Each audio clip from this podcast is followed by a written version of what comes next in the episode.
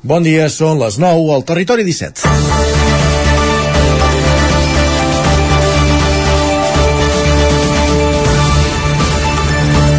Quan falten 4 mesos per les eleccions municipals, els, els actuals regidors, tant els que estan al govern com els que estan a l'oposició, desvelen la incògnita de si continuaran o no a partir del mes de maig. En els últims anys, en què plana el debat sobre la il·limitació dels mandats, s'ha estès la teoria que 4 anys són insuficients per poder executar tots els projectes que un es proposa, tenint en compte el temps que es necessita al principi per posar-se al dia, però també per la lentitud de la burocràcia de l'administració. La durada suposadament ideal en els municipis més grans, sobretot, seria la de 8 anys. Així ho han entès per exemple, els, els alcaldes de Vic i Manlleu, Anna R i Àlex Garrido, que ja han anunciat que no optaran a la reelecció després d'haver complert 8 anys al capdavant del consistori. Per això sorprèn que els alcaldes de Folgueroles i Sant Bartomeu del Grau, Xavier Rubiró i David Puyol, juntament amb els seus equips de govern, hagin decidit posar fi a la seva etapa al consistori en bloc un cop finalitzi el mandat i després d'haver estat al govern 4 anys. Aquesta decisió, que també han pres altres alcaldes, obre molts debats. D'una banda, cal tenir en compte que el 2019-2023 ha estat un mandat molt difícil per tothom. A part dels conflictes de cada municipi, s'han hagut de gestionar crisis generals amb conseqüències directes a l'administració local, el temporal Glòria, la pandèmia i ara, quan semblava que s'iniciava la recuperació, la guerra d'Ucraïna ha portat una forta inflació que té conseqüències en totes les escales de l'economia. De fons hi ha també el descrèdit de la política i dels partits polítics. Fa quatre anys, amb l'elevada mobilització que s'havia aconseguit amb el procés i la posterior resposta a la repressió, hi va haver una revifalla i van sorgir diversos projectes polítics que ara, veient com s'ha gestionat tot plegat, han anat perdent aquella flama. Cada cop costa més trobar gent per anar a les llistes i encapçalar-les. Se'n queixen tots els partits polítics. Cal, entre tots, ajudar a recuperar la confiança i tornar a posar en valor la gestió de la cosa pública. I més en les institucions més properes, els ajuntaments, dels quals tots esperem que ens donin una resposta immediata quan tenim el més mínim problema.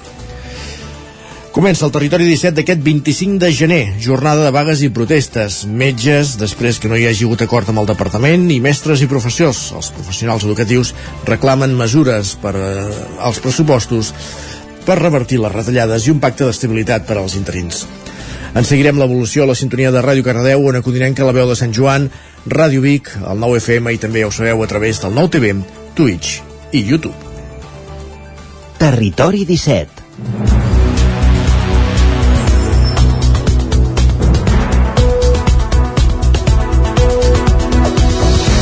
3 minuts que passen de les 9 del matí d'aquest dimecres 25 de gener de 2023 temperatures fredes, no tant com al cap de setmana i després de passar, superar aquest dia amb la por de neu al cos que ens havíem eh, que havíem assumit entre tots plegats Avui comença un nou Territori 17, com dèiem, dues hores de programa des d'ara fins a les 11, en el que us oferirem doncs, diversos continguts. Us avancem tot seguit al menú. En aquesta primera mitja hora, com cada dia, ens endinsarem a l'actualitat de les nostres comarques, el Vallès Oriental, l'Osona, el Ripollès i el Moianès, en connexió amb les diferents emissores del Territori 17, per oferir-vos, com dèiem, les notícies més destacades.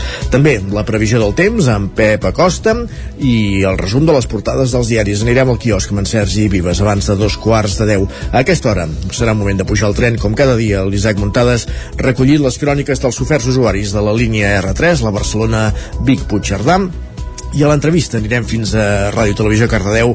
Allà coincidirem amb la Laura Duenyes del BBB de Belllloc. Més qüestions abans de les 10 Ràdio Teatre últim capítol de l'Hostal de la Glòria, aquesta sèrie produïda amb motiu del centenari del naixement de l'actriu i locutora manresana Maria Matilde Almendros. Arribarem al punt de les 10, si és el cas amb música, com cada dia, i a les 10, actualitat, les notícies més destacades de casa nostra i el territori sostenible, com cada dimecres, amb en Jordi Givert, des d'Ona Codinenca. A partir de dos quarts d'onze, Twitter, el més, les piolades més destacades que troben Guillem Sánchez a la xarxa i acte seguit ens acompanyarà en Jordi Soler una setmana més a l'Alegria Interior, avui parlant de formulació d'objectius. Acabarem el programa parlant de llibres, el Lletra Ferits, com fem cada dimecres, avui amb Montse Maestra, poetessa, que acaba de publicar Pell Morta. Serà als estudis de la veu de Sant Joan al costat de l'Isaac Muntades. Amb ella parlarem de poesia, de literatura, en fi, de tot plegat a la recta final del territori 17 que ara comença. Ara que passen pràcticament 5 minuts de les 9 del matí amb les notícies més destacades de les nostres comarques.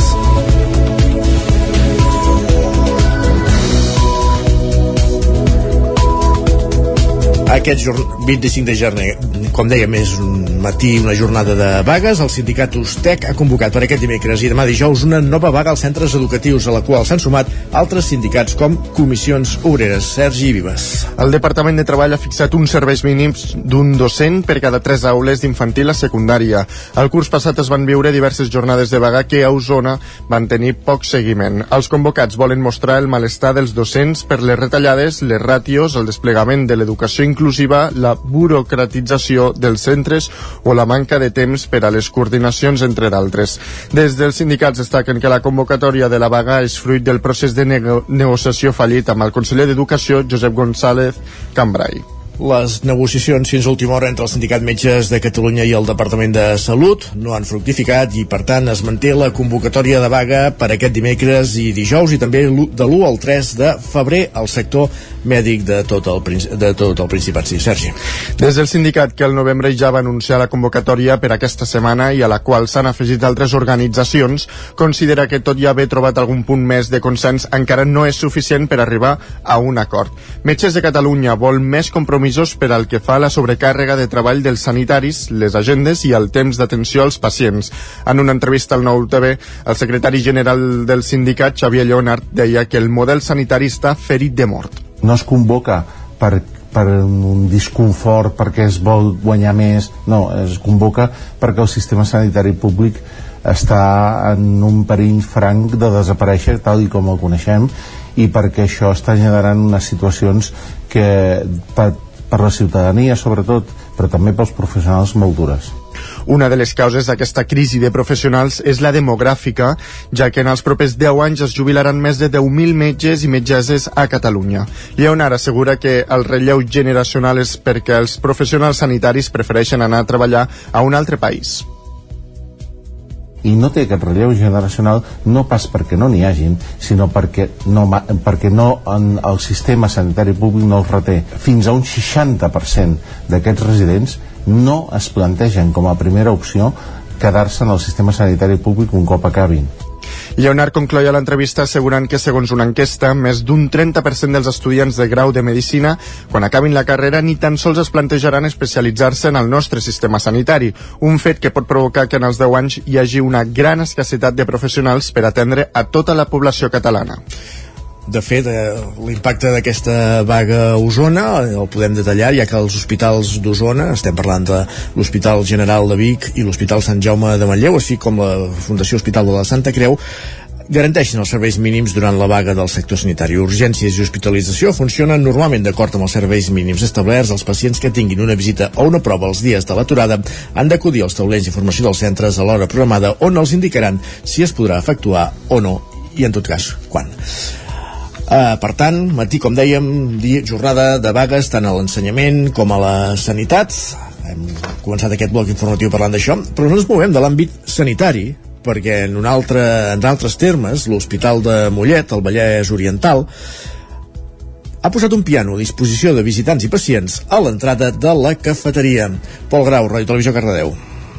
L'Hospital de Mollet va inaugurar l'espai racó musical Mestre Solà, on s'ha instal·lat un piano que a partir d'ara estarà disponible per a tothom en l'horari d'obertura de la cafeteria. El piano estarà obert, per exemple, a l'ús d'alumnes de música, que s'hi podran fer actuacions amb l'acompanyament d'altres instruments i que es podrà traslladar a altres espais de la Fundació, com per exemple quan s'obri el futur edifici dedicat a la docència. La creació del racó musical Mestre Solà ha estat possible gràcies a la col·laboració de Pianos Vius, una entitat sense ànim de lucre creada fa prop d'un any i mig. El piano de l'Hospital de Mollet és el primer en un centre sanitari fora de la ciutat de Barcelona. És un piano cedit per la família de Maria Lluïsa Carbonell i afinat per Jorquera Pianos, que també en farà el manteniment. La impulsora de la idea va ser la metgessa internista del Servei d'Urgències Estela Mas, de Mollet, a l'acte d'inauguració hi van assistir Dafne Solà i Josep Solà, fills del mestre Josep Solà, que van posar de relleu la producció i la figura del músic i compositor moiatà i la seva contribució a la música nacional i internacional. L'acte va acabar amb la interpretació de peces al piano a càrrec d'Emeli Malkov, d'11 anys, i Àlex Caparrós, de 25, els dos alumnes de l'Escola Municipal de Música de Mollet, i del pianista i compositor molletà Josep Mas Quitflus, que va tocar una de les seves composicions dedicada a la ciutat de Mollet.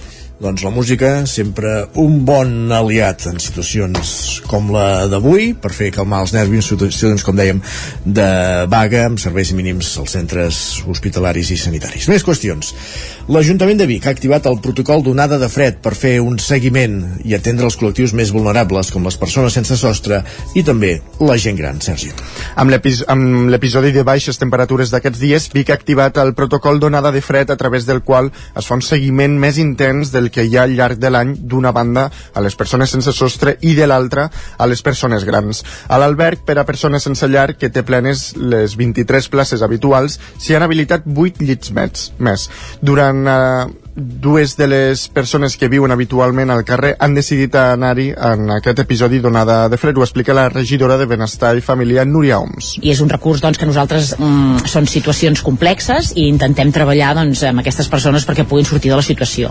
No és fàcil, eh? tots són perfils d'homes doncs, amb, amb consums, amb temes de salut mental i això, però bueno, és un treball diari i molt d'anar fent dia a dia no? per veure si doncs, la persona pot tornar a, a reenganxar-se a la seva vida a través del servei de teleassistència de les treballadores familiars amb l'onada de fred, explica OMS, també es posa una atenció especial a un altre col·lectiu vulnerable, el de la gent gran, per activar nous recursos de suport si es detecta que fan falta. Durant l'any això, eh, ja tenim molts recursos doncs, que els anem atenent, tenim el servei de teleassistència que ens ajuda molt amb el suport a les trucades telefòniques, després tenim un equip de treballadores familiars que també va als domicilis per detectar possibles situacions doncs, de suport extra que hagin de tenir en aquests dies de tan fred.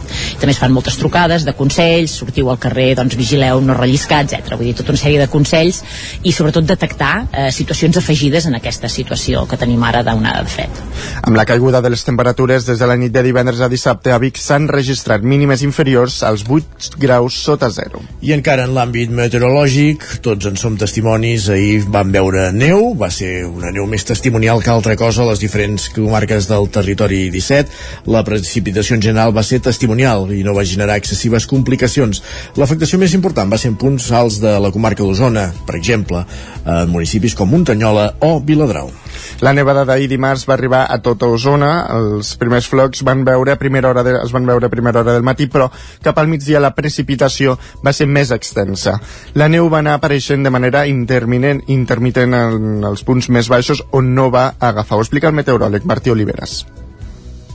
Ha nevat a tot Osona, sí, sí, amb petites diferències entre un poble i l'altre. Per exemple, a Manlleu i a Torelló hi ha nevat realment poc, i en canvi pobles com Vidrà, eh, Muntanyola, fins i tot Cantoni Gros, Viladrau, Espinelves, aquí la neu ha agafat en pet en alguns moments, també Muntanyola i Coll Sospina hi ha al Moianès, per tant, sempre aquesta idea de pobles alts és una situació normal al final a l'hivern, gairebé cada any en tenim aquí a la comarca. Als punts més elevats és on hi va haver més afectació. Les màquines llevaneu van haver de treballar, per exemple, a Cantoni Gros. A Muntanyola s'hi van acumular uns 3 centímetres de neu. Els mapes del temps indiquen que la, neve, que la nevada ja no tindrà continuïtat. al fred, assegura Oliveres, sí. Ha nevat a tot Osona, sí, sí, amb petites diferències, sobretot dijous, divendres i cap de setmana, torna a venir una descàrrega freda molt, molt forta des del nord d'Europa i continuarem amb aquesta situació d'onada de fred ja fins que acabi el mes de gener. Les incidències de mobilitat més importants es van registrar a l'eix transversal. A mig matí es va prohibir la circulació de vehicles pesants entre Sant Julià de Vilatorta i Santa Coloma de Farners per la neu i el gel a la calçada.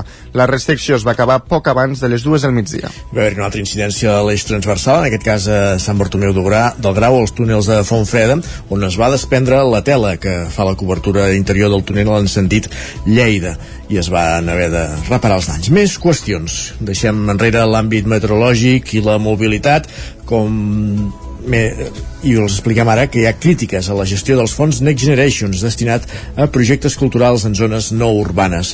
Ens anem fins a Ona Codinenca, allà ens espera en Roger Rams. Roger, bon dia. Hola, bon dia. Sí, doncs Xarxa Prot, la xarxa d'espais de producció i creació de Catalunya, ha començat una recollida de firmes d'institucions culturals en l'àmbit rural que han quedat afectats per un canvi en les bases de la subvenció destinada a projectes culturals. Laia Casanova, coordinadora de Xarxa Prot, explica que la Generalitat ha canviat les bases de subvenció un cop tancat ja el període de sol·licituds. El canvi de les bases de subvenció, un, els terminis. Va ser una subvenció per fer projectes durant tot l'any 2023 i això s'ha reduït a que els projectes han d'acabar al juliol del 2023. Això vol dir que la meitat, de, la meitat dels projectes queden fora per, per, del calendari. L'altre canvi és el termini de resolució i de pagaments. La subvenció anava destinada a projectes de zones no urbanes al nostre territori que poden afectar a quedar afectats perdó, projectes impulsats per la residència de Calgràs d'Avinyó, el Forn del Cals de Calders i l'Espai a cobert de Mollà. Des de Xarxaport critiquen sobretot les formes de la Generalitat. Es realitza d'una manera eh, molt poc respectuosa i aquesta és una de les reivindicacions que fem però el que no podem entendre és que la Generalitat hagi pogut tenir tan poc tacte i tan poc de respecte a l'hora de comunicar aquests canvis i que hagi arribat per un correu burocràtic amb un període de vacances de moment, Xarxa Prot ha iniciat una campanya de recollida de signatures per saber exactament quin és el nombre de projectes afectats. Des de Xarxa Prot reclamen una línia de finançament específica i contínua pels projectes culturals en zones rurals que normalment queden apartats d'altres subvencions i que, com és habitual, tenen més problemes també a l'hora de trobar recursos. Més qüestions, gràcies Roger. Anem cap al Ripollès perquè el grup fotogràfic Abadesses farà una xerrada sobre Islàndia per commemorar el sisè aniversari de l'entitat.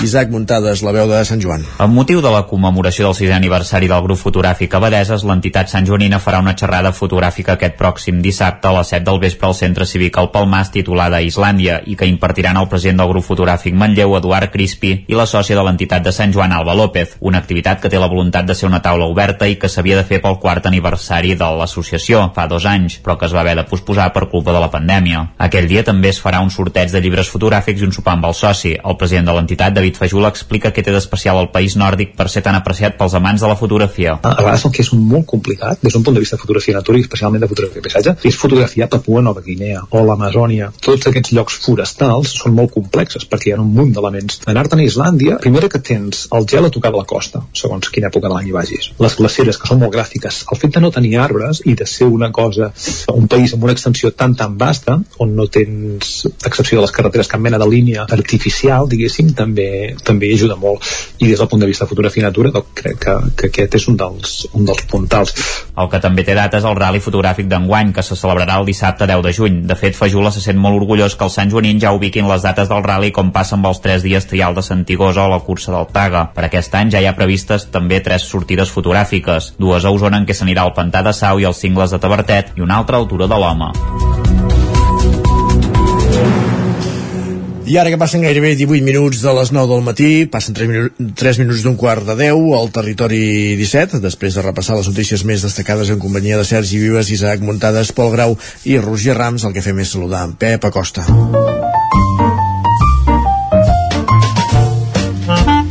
Casa Terradellos us ofereix el temps. Ja ens avançava en Martí Oliveres abans a l'informatiu que en les properes hores doncs, s'aguditzaran les temperatures, s'intensificarà el fred, ens ho confirma en Pep Acosta. Pep, bon dia. Molt bon dia, què tal esteu? Amics oients, col·laboradors que fa possible el programa, com va tot, eh, com veu viure la nevada ahir, bueno, nevada, nevada, nevada, ben ben nevada no va ser, va ser una, una nevada ben descafeinada, una mica de quatre volves, eh, ben poca cosa, no, no, no va quallar, no va ser eh, cap nevada històrica, ni molt menys, eh? va ser això, un vist i no vist, eh, poca cosa, però bueno, mira, van caure quatre boles de neu que van fer una mica d'il·lusió a tothom. Però això és història, ja ha passat, tot i que aquesta nit quedat una mica de núvols, i això ha fet que la temperatura no baixés tant. En moltes zones hi ha temperatures positives, no han glaçat, en algunes zones, sobretot del prelitoral, cap a interior, cap al Pineu, sí que hi ha glaçades eh, moderades, però cap a, cap a, com deia, cap al prelitoral, les temperatures són eh, positives. I aquesta dinàmica de temperatures una mica més altes continuarà durant el dia d'avui. Ahir va ser un dia molt fred, vam tenir, va ser un dia realment fred, fred, fred, amb unes temperatures màximes molt baixes, no van sobrepassar els 5-6 graus en moltíssimes poblacions, degut a nomositat, i aquesta entrada vent de nord que va continuant i que ja fa dies que dura, eh, fa molts dies que veiem aquesta, aquesta sensació de tant de fred, aquestes temperatures tan baixes, Déu-n'hi ja, Déu ja quants dies fa que, que dura, i va per llarg, n'hi ha continuant aquesta entrada de vent de, de nord durant els pròxims dies, però avui no, avui eh, no serà tan important, no tindrem tants vents de nord, i això fa que la temperatura es recuperi una mica les màximes poden sobrepassar, sobrepassar els 10 graus a moltes zones, entre els 12, 13, 14, a tot estirar. La nubositat escamparà, marxarà i el sol serà el gran protagonista. No es veu, eh, novament m'agradaria dir que això no es veu per enlloc eh, núvols i tampoc no es veu per enlloc possibilitat de precipitacions intenses i extenses. No, no hi ha manera, eh? no hi ha manera que això es produeixi. Uh, ja fa molts mesos que no, no tenim una situació de pluges generals i no es veu, no es veu per enlloc. De cada cap de setmana torna a baixar la temperatura uh, bastant empicat i farà que la sensació de fred augmenti i tinguem un final de gener molt, molt fred. I això és tot, a disfrutar el dia d'avui i a disfrutar d'aquestes temperatures una mica més altes. Moltes gràcies, adeu. Doncs gràcies, Pep. Parlem més tard. Casa Tarradellas us ha ofert aquest espai. I del temps al quiosc. Perquè és moment de saber, Sergi, quines són les portades dels diaris d'avui. No sé si la neu té molt protagonisme o és una cosa, com bé deia ara en Pep, més testimonial. Doncs no gaire protagonisme, la veritat. Uh, més protagonisme els metges i la Ayuso, suposo. Els metges, no? la Ayuso i els tancs. Ah, tancs, déu nhi Uh, doncs va, comencem. Anem al punt avui que encapça la portada amb el titular Pressió a Espanya. Diuen que l'Eurocambra enviarà una missió per investigar l'espionatge amb Pegasus. Afegeixen que la ponent del comitè insta l'Estat a aclarir els fets i compensar les víctimes. També destaquen l'enfarinada que hi ha hagut a mig Catalunya. Diuen que la neu escombra el país de forma irregular i afecta l'estat d'algunes carreteres. Per altra banda, també expliquen que tot i les negociacions, els mestres i els metges es faran escolta. El periòdico diu que la sanitat desbordada protesta al carrer. Expliquen que Catalunya viu dies de vaga al fracassar l'acord. De què es queixen? Doncs de les plantelles curtes, el finançament baix i les llistes d'espera. També expliquen que ahir es van trobar un nadó dins d'una bossa abandonat al carrer, a Barcelona. Sí. Una notícia impactant. També diuen que centenes de projectes d'energia verda esperen l'hoquei i per altra banda a Alves se li complica el cas perquè cada vegada surten més proves contra ell. Els Mossos asseguren tenir una gravació. El diari, però, no assegura de què es tracta almenys a la portada. A quin diari és? El periòdico. La gravació és d'una un, càmera, d'un agent dels Mossos d'Esquadra, que la càmera se li va activar en el moment de fer les primeres atencions a la víctima a la discoteca Sutton i la constatació de tot plegat és que el relat que ja feia aquell, en aquell moment la víctima és el mateix que va acabar fent davant de la policia i en seu judicial. Doncs mira, per tots aquells que diuen que, que sí, és una sí, gran sí. mentida, Uh, tots aquests podrien estar callats, però no hi ha altra cosa. Més qüestions, bueno. va. uh, la Vanguardia diu que Alemanya cedeix i enviarà els seus propis tancs Leopard a Ucraïna i destaquen que avui metges, mestres, lletrats i taxistes fan vaga. Expliquen que l'aturada continuarà fins demà i que n'anuncien més per la setmana entrant. També diuen que hi ha una pugna interna a l'executiu pel control del Ministeri d'Indústria. Expliquen que Sánchez decidirà si manté una cartera que té 10.000 milions de la Unió Europea a càrrec seu o si passa a ser domini de Calviño. Lara diu que Alemanya autoritza l'enviament de tancs Leopard a Ucraïna. També expliquen que el pressupost català penja d'un fil ja que Salvador Illa rebutja l'última oferta d'Esquerra. I també destaquen un cas d'assetjament de Twitter. Fa uns dies que un jove, eh, fa uns dies un jove es queixava a través d'aquesta xarxa social que no podia jugar a un joc concret en català, un tuit que es va acabar fent viral i va acabar amb comentaris i retuits d'assetjant al jove. Una notícia doncs, que en fa ressò l'ara. Déu-n'hi-do. Els haters que corren per Twitter, que ah, també són sí, aquells sí, que, sí. en fi Anem cap a Madrid. El país diu que Alemanya i Estats Units es disposen a entregar tancs a Ucraïna. També expliquen que Zelensky està actuant contra la corrupció de, en el seu entorn. Diuen que ahir va fulminar a 10 alts càrrecs del govern i de la Fiscalia per presumptes suborns. En premsa internacional encara destaquen que els Estats Units vol trencar el monopoli de Google. Expliquen que el govern porta a Alphabet a la justícia per al domini de la publicitat digital. I ara anant cap a Madrid, diuen que el 39% de les assassinades per violència de gènere havia eh, iniciat un procés judicial i per altra banda també expliquen que el decret anticrisis surt endavant amb les abstencions del PP, Vox i Esquerra. L'ABC diu que Anticorrupció analitza les empreses a les que Cascos va cobrar gairebé 5 milions. Expliquen que l'exministre del Foment va utilitzar la direcció de la seu del PP per emetre factures del seu negoci d'art quan ja havia abandonat tots els seus càrrecs. També diuen que la intolerància es va matricular ahir a la universitat. Expliquen que Ayuso va sofrir una pluja d'insults en la seva visita a la Complutense. Quina pena, tu. Qui no vulgui pols que no vagi a l'era, diuen. Més qüestions. El Mundo diu que Alemanya entrega els seus Leopard i deixa Espanya sense excuses. També expliquen que el Parlament Europeu veta missions amb el Marroc per suborn, pels suborns. També expliquen que Sánchez retalla els trasbals del Tajo al Segura i posa en peu de guerra a comunitats autònomes i regants. Um, també destaquen que més de 450.000 jubilats ja superen els 3.000 uh, euros al mes per, de pensió. La Razón destaca la, revoca, la revolcada entre els socis de govern al Congrés. Expliquen que Esquerra s'absté juntament amb el PP i Vox en un escàs recolzament al decret anticrisis de l'executiu. També destaquen que Espanya té una de les inflacions més, dels aliments més baixes d'Europa. A finals del 2022, expliquen, es va situar en el 15,7% front al 17,8% de, la, de mitja de la Unió Europea. Molt bé. Repassem ràpidament els digitals, el 99.cat d'Osona i el Ripollès. Doncs mira, ens trobem que Maria Nicolau inaugura la Setmana Gastronòmica de l'Escola d'Hostaleria d'Osona, us ho explicarem a continuació. Uh -huh. I el Vallès Oriental? Doncs que Mar a Marc Amargant i Marc Garcia dimiteixen dels seus càrrecs del BM Granollers. Doncs també parlarem d'aquesta crisi al Balomano Granollers, les notícies de les 10. Ara el que fem és una pausa al territori 17, 3 minuts i de seguida l'R3 i l'entrevista. Fins ara mateix. El nou FM, el nou FM. Al forn de pa i pastisseria Glina hi trobareu una gran varietat de pans de producció pròpia amb farina de blat i de molts altres tipus, tots elaborats al nostre obrador. També us oferim tortells, braços de gitano, coques, brioixeria i pastes seques i pastissos personalitzats. I ara també ens trobareu al Mercat Municipal de Torelló. Forn de pa i pastisseria Glina, carrer Major número 9 de Sant Vicenç de Torelló i Mercat Municipal de Torelló. Has esperat que arribi el fred per comprovar si et funciona bé la caldera? No pateixis, a Casa Jové som especialistes en manteniment, reparació i revisió d'equips d'aigua calenta i calefacció, tant en l'ambient domèstic com industrial.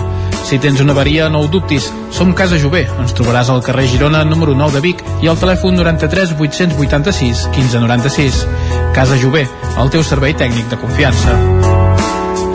No t'ho creuràs. M'ha trucat el servei tècnic oficial de Saunier Duval perquè han detectat a distància que li falta aigua a la caldera. Era a casa i no me n'havia adonat. I què has fet? Res, perquè el meu servei de manteniment Mi Saunier Duval Connect m'ha donat una solució en qüestió de minuts. Informeu-vos a connectivitat.saunierduval.es. Saunier Duval, sempre al seu costat. Bon dia, són les 9 al Territori 17. La Miquel Parella, Cada matí i durant dues hores t'acompanyem i et posem al dia de l'actualitat de casa nostra. Potenciant així l'autonomia En aquest cas me la té saltaler si no... Cursos per feminitzar el pensament masculí. Territori 17, el magazín matinal d'Osona, el Moianès, el Ripollès i el Vallès Oriental. Que la meva àvia de 93 el anys... 9 FM, el 9 TV, el 99.cat i també els nostres canals de Twitch i YouTube. Demà per fer-se un tatuatge. Cada matí, Territori 17. Ole. Cocodril Club. Si t'agrada la bona música dels anys 60, 70 i 80, escolta el 9 FM els matins de dissabtes i diumenges d'11 a 1. És el temps del Cocodril Club, tot un clàssic de la ràdio, amb les bases del pop-rock, les llegendes, les cançons que s'han convertit en autèntics himnes. Recorda, dissabtes i diumenges al matí, d'11 a 1, al 9 FM 92.8. Cocodril Club, el programa revival de l'Albert Malla. Hasta luego, cocodrilo. Anuncia't al 9FM. La màquina de casa. 9 3 8 8 9 4 9 4 9 Publicitat arroba al 9FM.cat. Anuncia't al 9FM. La publicitat més eficaç. Bon dia, són les 9 al Territori 17. La Miquel Parella. Cada matí i durant dues hores t'acompanyem i et posem al dia de l'actualitat de casa nostra. Potenciant així l'autonomia En aquest cas me la peça el taler si no... Cursos per feminitzar el pensament masculí. Territori 17, el magazín matinal d'Osona, el Moianès, el Ripollès i el Vallès Que Oriental. la meva àvia de 93 El anys... 9 FM, el 9 TV, el 99.cat i també els nostres canals de Twitch i I YouTube. demà per fer-se un tatuatge. Cada matí, Territori 17. Territori 17.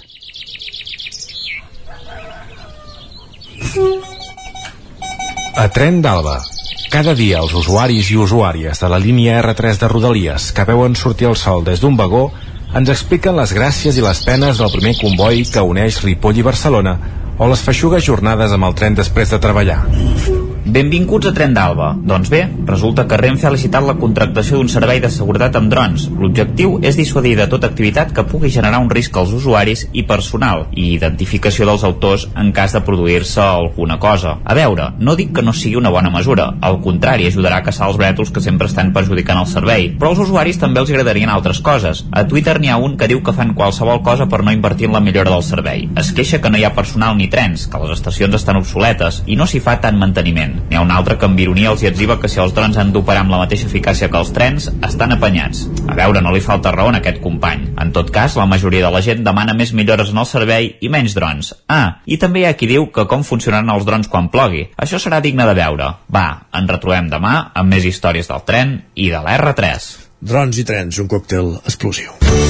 Territori 17. Envia'ns les teves notes de veu per WhatsApp al 646 079 023. 646 079 023. WhatsApp Territori 17.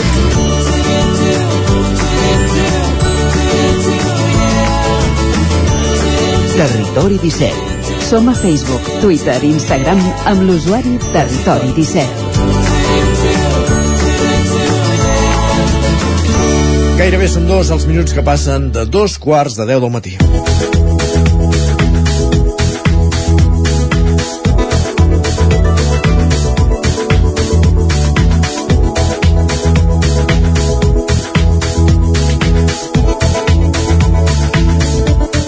Avui a l'entrevista als estudis de Ràdio i Televisió Cardedeu ens acompanya la Laura Duenyes, responsable de Relacions Externes del Viver de Belllloc, per parlar sobre la fundació del Viver de Belllloc. Enguany celebra els seus 40 anys. Pol Grau, Ràdio i Televisió Cardedeu, bon dia. Bon dia. Explica'ns. Doncs, mira, la solidari- solidari- solidaritat, el compromís i la professionalitat són valors que comparteixen les entitats que formen part del Viver del Belloc, una entitat amb seu a Cardedeu que pretén promoure el creixement personal i la inclusió social i laboral de persones amb, amb risc d'exclusió. Avui tenim amb nosaltres a Laura Duenyes, responsable de Relacions Externes del Viver del Belloc. Bon dia, Laura. Hola, bon dia. Com estàs? Molt bé, gràcies per convidar-nos. Primer de tot, felicitats per aquests 40 anys. Gràcies. I abans de començar a parlar dels objectius del Viver del Belloc, comencem pel principi. Explica'ns una mica com va néixer el Viver del Belloc i en quin context. Doncs uh, Viver de Belllloc uh, neix l'any 1982 um, arran de, del neguit d'una sèrie de famílies d'alumnes de, de l'escola Viver Castell de Sant Foix que trobaven que a l'acabar la- l'escolaritat doncs, no tenien no, um, cap sortida laboral o, o sociolaboral per als seus fills i filles i s'agrupen i amb el suport doncs, de, en aquell moment de la Generalitat i l'obra social de la Caixa engeguen no, el uh, Viver de Belllloc, en, uh, inicialment una associació que s'instal·la a les finques Belllloc d'aquí de la Roca bueno, i, i és a l'any 1983 que, que inicia la, la seva activitat laboral amb, amb 18 persones Val, per tant, eh, no? és aquest aniversaris de què fem, eh, 82, 83, va dir, bueno, doncs fem-ho tot eh, des del 82 fins al 83, per tant, a finals de l'any passat vam començar a fer alguna activitat eh, de celebració d'aquests 40 anys, que, que finalitzaran doncs, a la primavera d'aquest any, val? i bueno, com, com comentaves no? la, la missió de Viver de Belllloc és que qualsevol persona en risc d'exclusió, especialment aquelles que tenen discapacitat intel·lectual o un trastorn de la salut mental sever, doncs puguin tenir el seu projecte de vida no? al final, i un projecte de vida és una cosa molt gran eh, vam començar amb activitats laborals el, el 88 eh, se'ns reconeix com a centre especial de treball i a dia d'avui en aquests 40 anys doncs, hi ha hagut molta, molta trajectòria no? i ara doncs, intentem abarcar doncs, tots els àmbits que poden ajudar a tenir aquest projecte de vida uh -huh. perquè això Laura, com, com ha evolucionat Viver de Belllloc al llarg d'aquests 40 anys? entenc que doncs, ha crescut uh... els serveis i de tot, eh? Sí, mira, um, actualment, o sigui, nosaltres hem anat um, no, creant uh, serveis i, i acompanyaments que considerem que són necessaris per poder uh, dur aquest projecte de vida, inicialment amb, amb activitats laborals, amb el Centre Especial de Treball, Uh, poc després um, vam veure doncs, que també hi havia necessitats d'habitatge, es va crear la primera llar residència, que va ser el, el 1996, aquí a Cardedeu, que segueix uh, existint, i hem anat doncs, um, treballem amb, amb, uh, amb atenció central a la persona, per tant eh, anem creixent i anem creant recursos a mesura que, que veiem que el territori no, i les persones que tenem o que podem arribar a atendre a curt i mig termini doncs, puguin necessitar. Actualment Vivi de Belllloc compta amb un ventall de, de serveis molt amplis, centrats molt en aquest àmbit, no?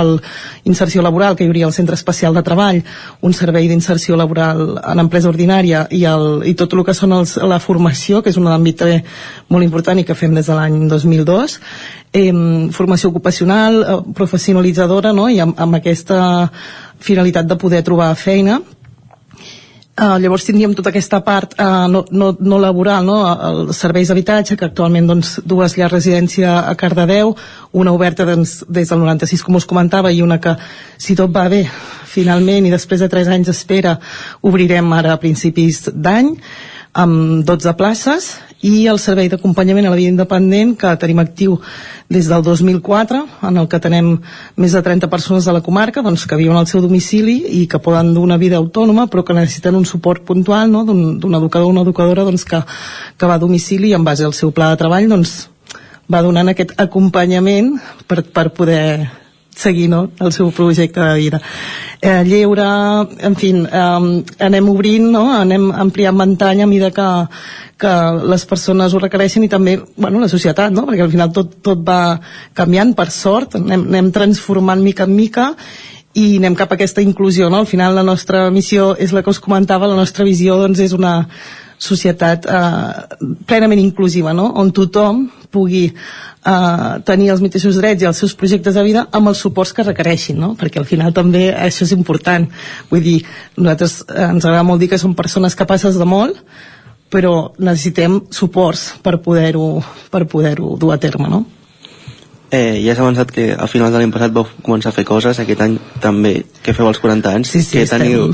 Ja de per si ens agrada molt, eh, de fer, fer activitats, perquè al final també és una manera de visibilitzar i de sensibilitzar a la població, però clar, una, una excusa com els 40 anys... Què teniu pensat fer aquest, aquest Mira, a nivell de, de xarxes socials hem, hem començat a fer tota una tanda de, de felicitacions, no?, de, de persones conegudes que, que ens, ens han volgut felicitar per aquests 40 anys. A nivell també volem aprofitar aquesta, aquesta celebració perquè tothom conegui les, el, el valor més gran que té Viver de Belllloc que són les persones. Llavors les, aquesta setmana hem començat amb un 40 anys 40 vivències, no? persones de la casa que amb una paraula defineixen què, què és per elles el, el Viver. I uh, uh, la idea és poder fer avui ja us puc dir una data que ja us podeu apuntar, allò save the date, eh? que és el, el 10 de març, que es farà un acte de reconeixement per aquests 40 anys de trajectòria al Teatre Auditori de Cardedeu, on esteu tots i totes convidadíssims i on podrem tenir l'ocasió de conèixer una mica més del Viver um, i uh, donarem una sèrie de premis de reconeixement a diferents uh, categories eh? seria bueno, em sembla és administració pública, empreses, persones de la casa i persones que no estan directament vinculades a Vive però que d'alguna manera o una altra eh, en aquests 40 anys ens han donat suport. I bueno, eh, com a bona festa doncs un pica-pica que és aquest moment en què realment es fa el caliu i, i es pot celebrar del tot Quin paper la idea és poder fer a l'abril una, una, un, una festa commemorativa amb, amb, amb, l'objectiu de fer captació de fons, però encara no tinc la data tancada, ja, ja us ho farem saber perquè serà, la liarem bona. doncs ja ens apuntem al, al mes d'abril, ja concretarem. Quin paper juga Lluïsa Uller en la Fundació i per què hi ha una fundació din, amb el seu nom? Doncs mira, la Lluïsa, eh, eh, ja als, als principis de, de, de la creació d'aquesta associació, ella va entrar com a responsable de l'àrea social, no? de l'àrea d'atenció a aquestes primeres persones que van iniciar amb l'associació, i des de llavors doncs, ha estat amb nosaltres, vull dir, de fet, la Lluïsa eh, és la presidenta d'honor de, de Fundació eh, Lluïsa Oller, per què hi ha la Fundació Lluís Oller? Bueno, mm, us comentava, no? inicialment vam començar com una associació i al moment que vam anar creixent es va decidir poder crear dos, dos entitats diferenciades, dues fundacions que tenim doncs, dos noms diferents però que al final totes no? tenim la, compartim missió que són Fundació Viver de Belllloc que agruparia tot aquesta ventall d'activitats més d'inserció sociolaboral i formació, etc. i Fundació Lluís Oller que abarcaria totes aquelles activitats eh, d'acompanyament i de suport a les persones que van més enllà de lo laboral que bàsicament a, dia d'avui seria aquests serveis d'habitatge, el lleure, val? i el, els projectes futurs que tenim sobre la taula que serien el centre ocupacional, centre de teràpia ocupacional Esqueix, que a més a més tant aquest centre com la nova llar residència estan ubicats a, a casa la Lluïsa, o sigui, la Lluïsa ens va fer una sessió en vida no? de, de, del seu patrimoni per poder construir el que era casa seva, una casa en la que durant tota la seva vida ha fet una tasca paral·lela d'acolliment de, de persones en risc d'exclusió i en aquesta mateixa finca és on s'hi ha fet aquesta nova llar residència del centre ocupacional no? llavors hi ha altres projectes futurs que estaran vinculats també a Fundació Lluís Auller i ara Gasit, eh, quin és el futur de la Fundació? Com... El futur és poder fer-ne 40, 80 i molts més. Um, seguim, doncs, com sempre, no? Vull dir, mantenint el que hem aconseguit, hi ha molts de reptes per davant. Um, nosaltres des de fa anys treballem en, en plans estratègics. Uh, actualment la nostra idea és poder acabar de obrir aquest ventall de, de serveis i tirar cap a aquesta banda dels serveis més uh, d'ajustament personal i terapèutics no? per a aquelles persones que pel motiu que siguin en aquell moment doncs, no poden realment eh, dur a terme una activitat laboral ni tan sols amb, amb el centre especial de treball llavors per això es, es fa aquest projecte de centre de teràpia ocupacional eh, està en, en, també en procés un servei d'orientació i inserció, que seria com un punt mig per eh, temporal en què la persona va treballar en diferents competències per veure si pot acabar inserint a l'empresa ordinària, que aquest està previst fer-lo a unes instal·lacions que tenim a Llinars del Vallès. Amb un, uh, més serveis d'atenció a persones amb trastorn de la salut mental que, que encara anem molt fluixets a nivell de territori, bueno, en general de, en aquest àmbit, llavors la idea és poder fer un servei prelaboral en, en aquest cas a la Garriga i seguir sobretot amb això, eh? Serem, sempre som molt pesats i pesades, però hem d'anar treballant cap a aquesta inclusió real, no? I intentar um, donar les oportunitats i els suports necessaris perquè tots i totes doncs, puguin tirar endavant i, i tenir aquest projecte de vida. A quants usuaris dona servei actualment la, la Fundació? Mira, actualment ara a la Viver del Lloc som 245 persones eh, de les quals, eh, a veure, el Centre Especial de Treball actualment té cap a 120 treballadors i treballadores amb certificat de discapacitat. Uh, llavors tenim, per exemple, el servei d'acompanyament a vida independent, ja us he comentat, em sembla que ara estem a, a 28 persones ateses. Eh, les residències, perdoneu, Um, el servei de lleure, per exemple, és un servei que passa molt desapercebut i actualment té més de 30 persones ateses. Uh -huh i, i anar sumant anar sumant, sembla mentida perquè estem com molt dispersos, no? La nostra, som com una... Llavors ens anem estenent pel territori i passem una mica desapercebudes, però llavors quan ens ajuntem, ara per exemple el passat Nadal, que per fi després de dos anys després de la pandèmia hem pogut fer el dinar de Nadal de tots i totes i, i, i al·lucines no? I, hòstia, hòstia, som, som molts la taula i tots allà sí, sí, sí, sí, sí. sense comptar bueno, col·laboradores, voluntaris, voluntàries vull dir que realment uh, Déu-n'hi-do la gent que, que estem Molt bé. en 40 anys passen moltes coses en més d'una ocasió hem vist com a nivell de, de país, la, les entitats de, del vostre sector us queixeu de problemes de, de finançament, sobretot pel que fa als concerts amb la, amb la Generalitat. En, en quina fase passeu en aquest aspecte ara mateix? Bueno, això és com, un, és com un, una muntanya russa, eh? Uh, mira, penseu que, per exemple, a nivell de centre especial de treball, um, des de la Generalitat uh, s'ofereixen doncs, uns, uns mòduls, no?, perquè al final, perquè allò funcioni, hi ha tot un equip a darrere, que és l'equip multidisciplinar de, de suport, els mòduls econòmics pel Centre Especial de Treball fa més de 12 anys que no, que, no, que estan igual, eh, que no han pujat, no, no s'han adequat a, al, al propi ritme de la nostra vida i de la nostra economia i a, a les dues pujades de salari mínim interprofessional, que és una cosa a celebrar, però que realment ha, ha generat uh, un esforç molt gran per entitats com la nostra Um, i el tema del concert social bueno, nosaltres estem realment bastant afectats perquè, eh, ho he comentat abans teníem aquesta llar residència que porta 3 anys construïda, registrada acreditada i amb tot a punt per poder obrir i hem trigat doncs, pràcticament entre una cosa i l'altra 4 anys a poder-la obrir no? quan a, aquí al, al Vallès Oriental les últimes dades apuntaven a 100 i pico persones en llista d'espera per poder accedir a un servei residencial i al centre de teràpia ocupacional que, que ens va passar el mateix, no? es va fer tot el procés de registre i acreditació i a l'hora de concertar places la provisió que es va fer eh, va ser molt inferior a la real no? de fet es van eh, preveure 8 places per tota la comarca i nosaltres ja teníem el centre ocupacional està pensat per 16 persones i teníem 18 persones en llista d'espera no? Vull dir que, i al final no es va poder obrir així que ara esperar, no? És com... Eh, no? Hi ha qui mira molt al Twitter, jo miro molt al, al tauler seu.cat, eh? Sí. Per veure quan surten les noves convocatòries. Doncs ho anirem vetllant. Laura Duenya, responsable de Relacions Externes del Viver de Belllloc. Primer de tot, felicitats per aquest 40 aniversari. I no gràcies, us prem, eh, l'acte. Merci. Gràcies per les felicitacions i per donar-nos veu, no? Que a vegades això és una cosa que suma moltíssim. Gràcies, com dèiem. Gràcies també, Pol, un dia més. A tu, bon dia. Bon dia. I nosaltres avancem al territori 17. Deixem enrere l'entrevista eh, i el que fem és escoltar un capítol més de l'Hostal de la Glòria. Un capítol més, no, de fet, l'últim capítol de l'Hostal de la Glòria, aquesta proposta de radioteatre que us hem ofert en les vuit darreres setmanes del territori 17, una iniciativa emmarcada en el centenari del naixement de l'actriu i locutora manresana Maria Matilde Almendros.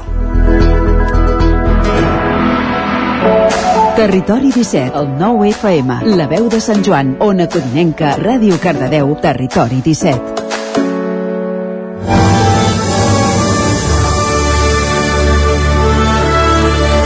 L'Hostal de la Glòria, poema dramàtic de Josep Maria de Sagarra en adaptació per a radioteatre de Carles Claret Vilaseca.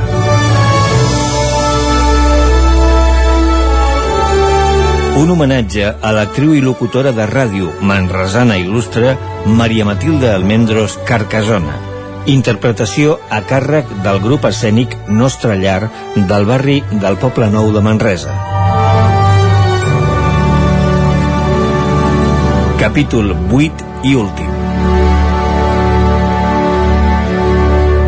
A l'hostal es viuen tensions creuades. L'Andreu i la Roser han planejat de fugir junts. El jutge Forcadell aprofita el desengany de la Glòria amb el seu marit per assetjar-la intensament. L'Andreu surt d'on estava amagat. S'ensuma la tragèdia entre dos mascles folls. Fit a fit amb el jutge. És l'hora de la veritat. Brand del ganivet els nervis cremen com rostolls.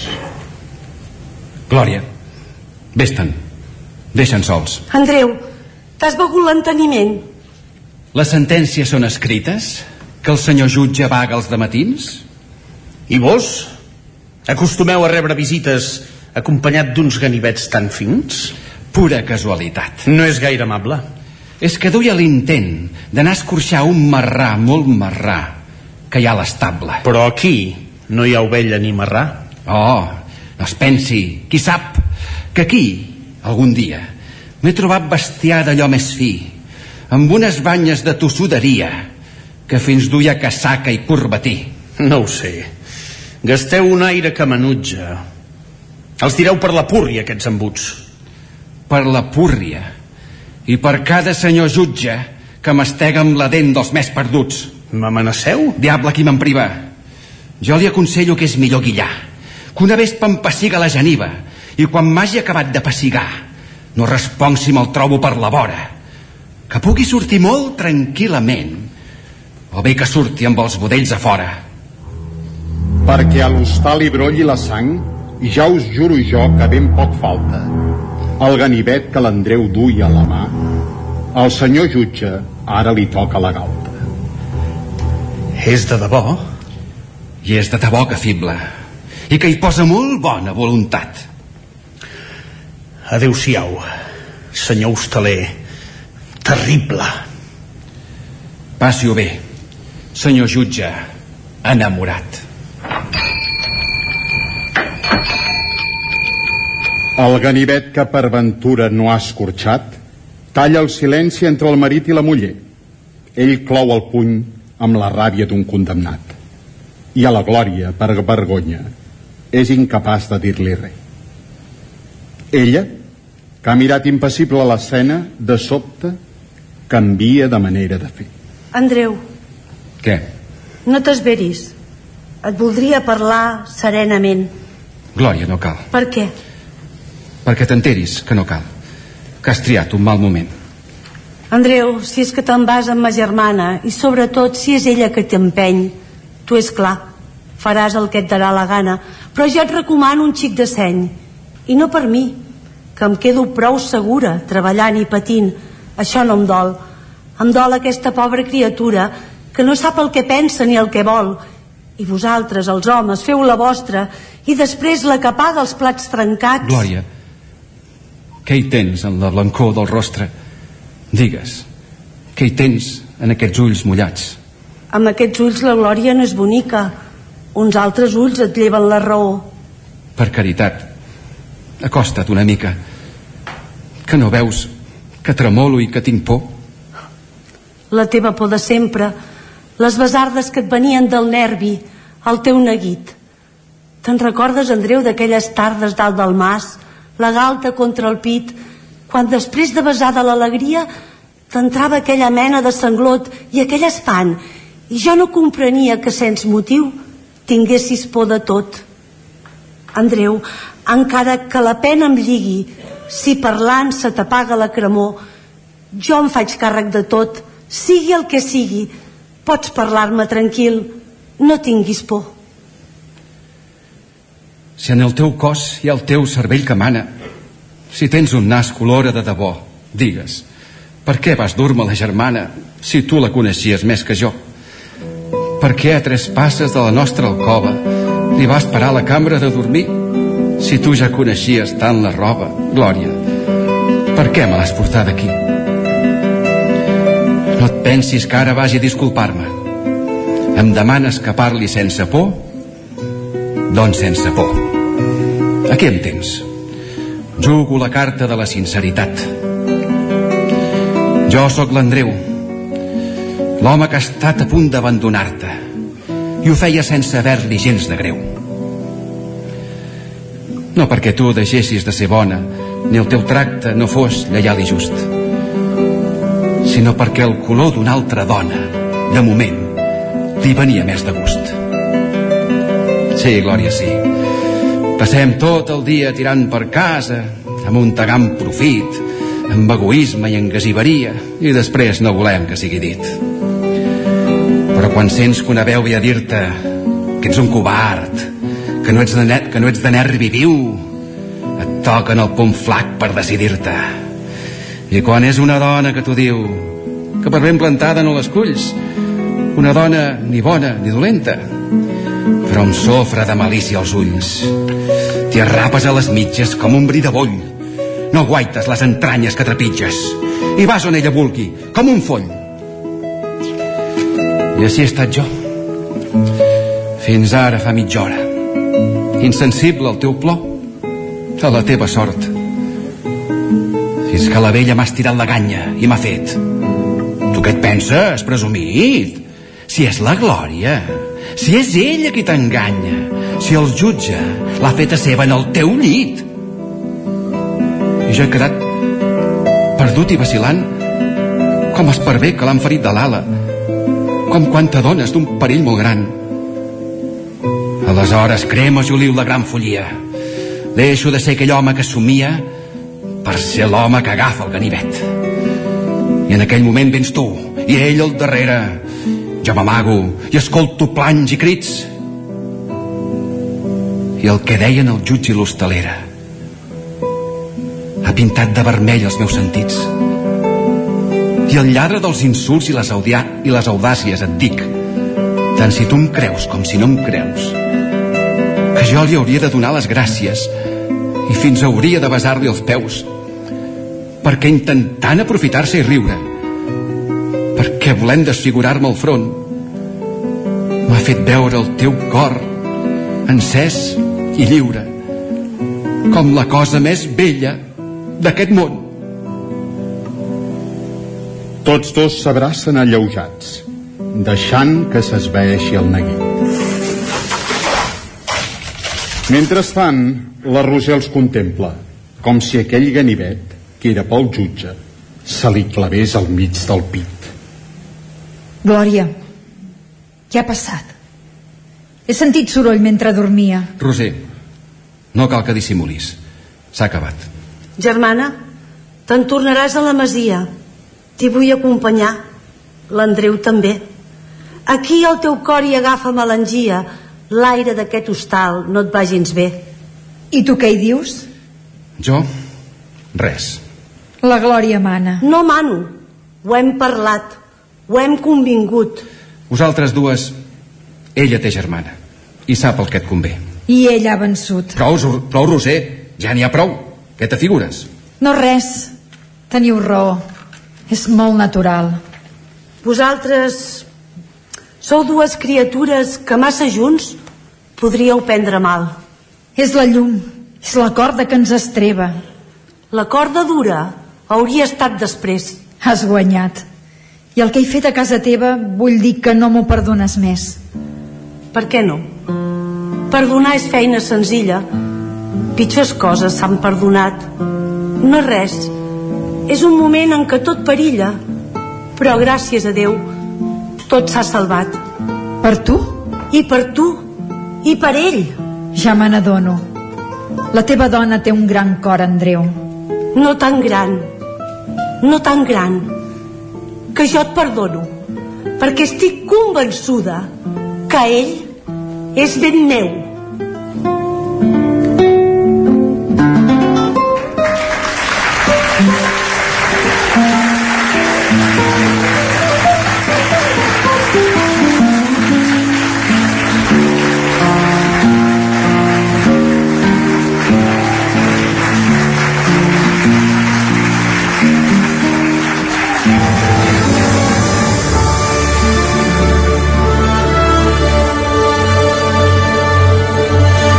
Escoltat el capítol 8è i últim de L'Hostal de la Glòria, poema dramàtic de Josep Maria de Sagarra en adaptació per a radioteatre de Carles Claret Vilaseca.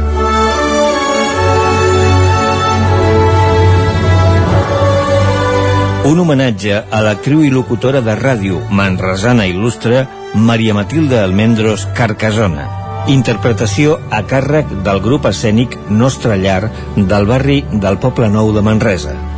Direcció a l'espectacle Jordi Gené Soto. Control tècnic i efectes sonors Brigitte Barea i Toni Martínez. Realització Marta Ripollès i Sergi Lledó.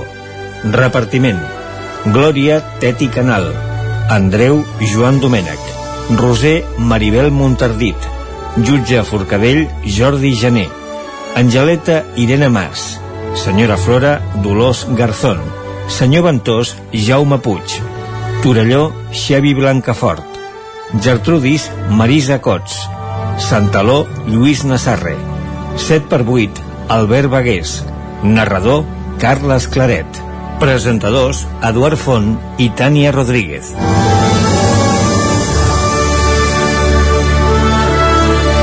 Agraïments a l'Ajuntament de Manresa, Ràdio Manresa, El Galliner i Manresana d'Equipaments Escènics Teatre Cursal.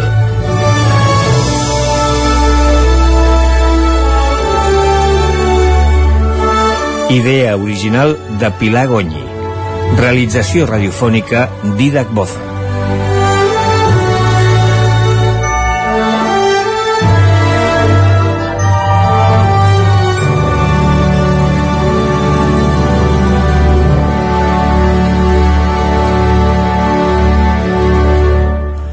Acabem aquest darrer capítol de l'Hostal de la Glòria i arribem al punt de les 10, pel qual falta un minut, amb música.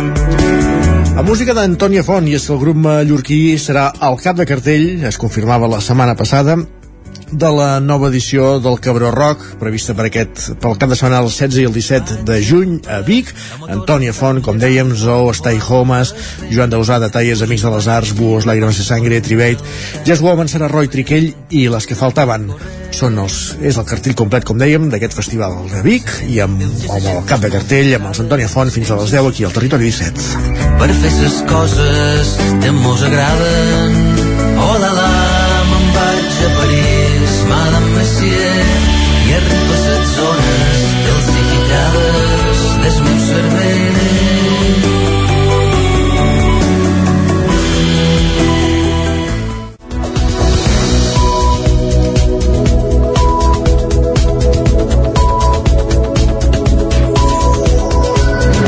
És moment al territori 17 d'actualitzar-nos, de posar-nos al dia amb les notícies més destacades de les nostres comarques, el Vallès Oriental, l'Osona, el Ripollès i el Moianès, i ho fem en connexió amb les diferents emissores del territori 17, la veu de Sant Joan, Ona Codinenca, Ràdio Cardedeu, Ràdio Vic, el 9 FM, també es podeu veure a través del nou TV, Twitch i YouTube.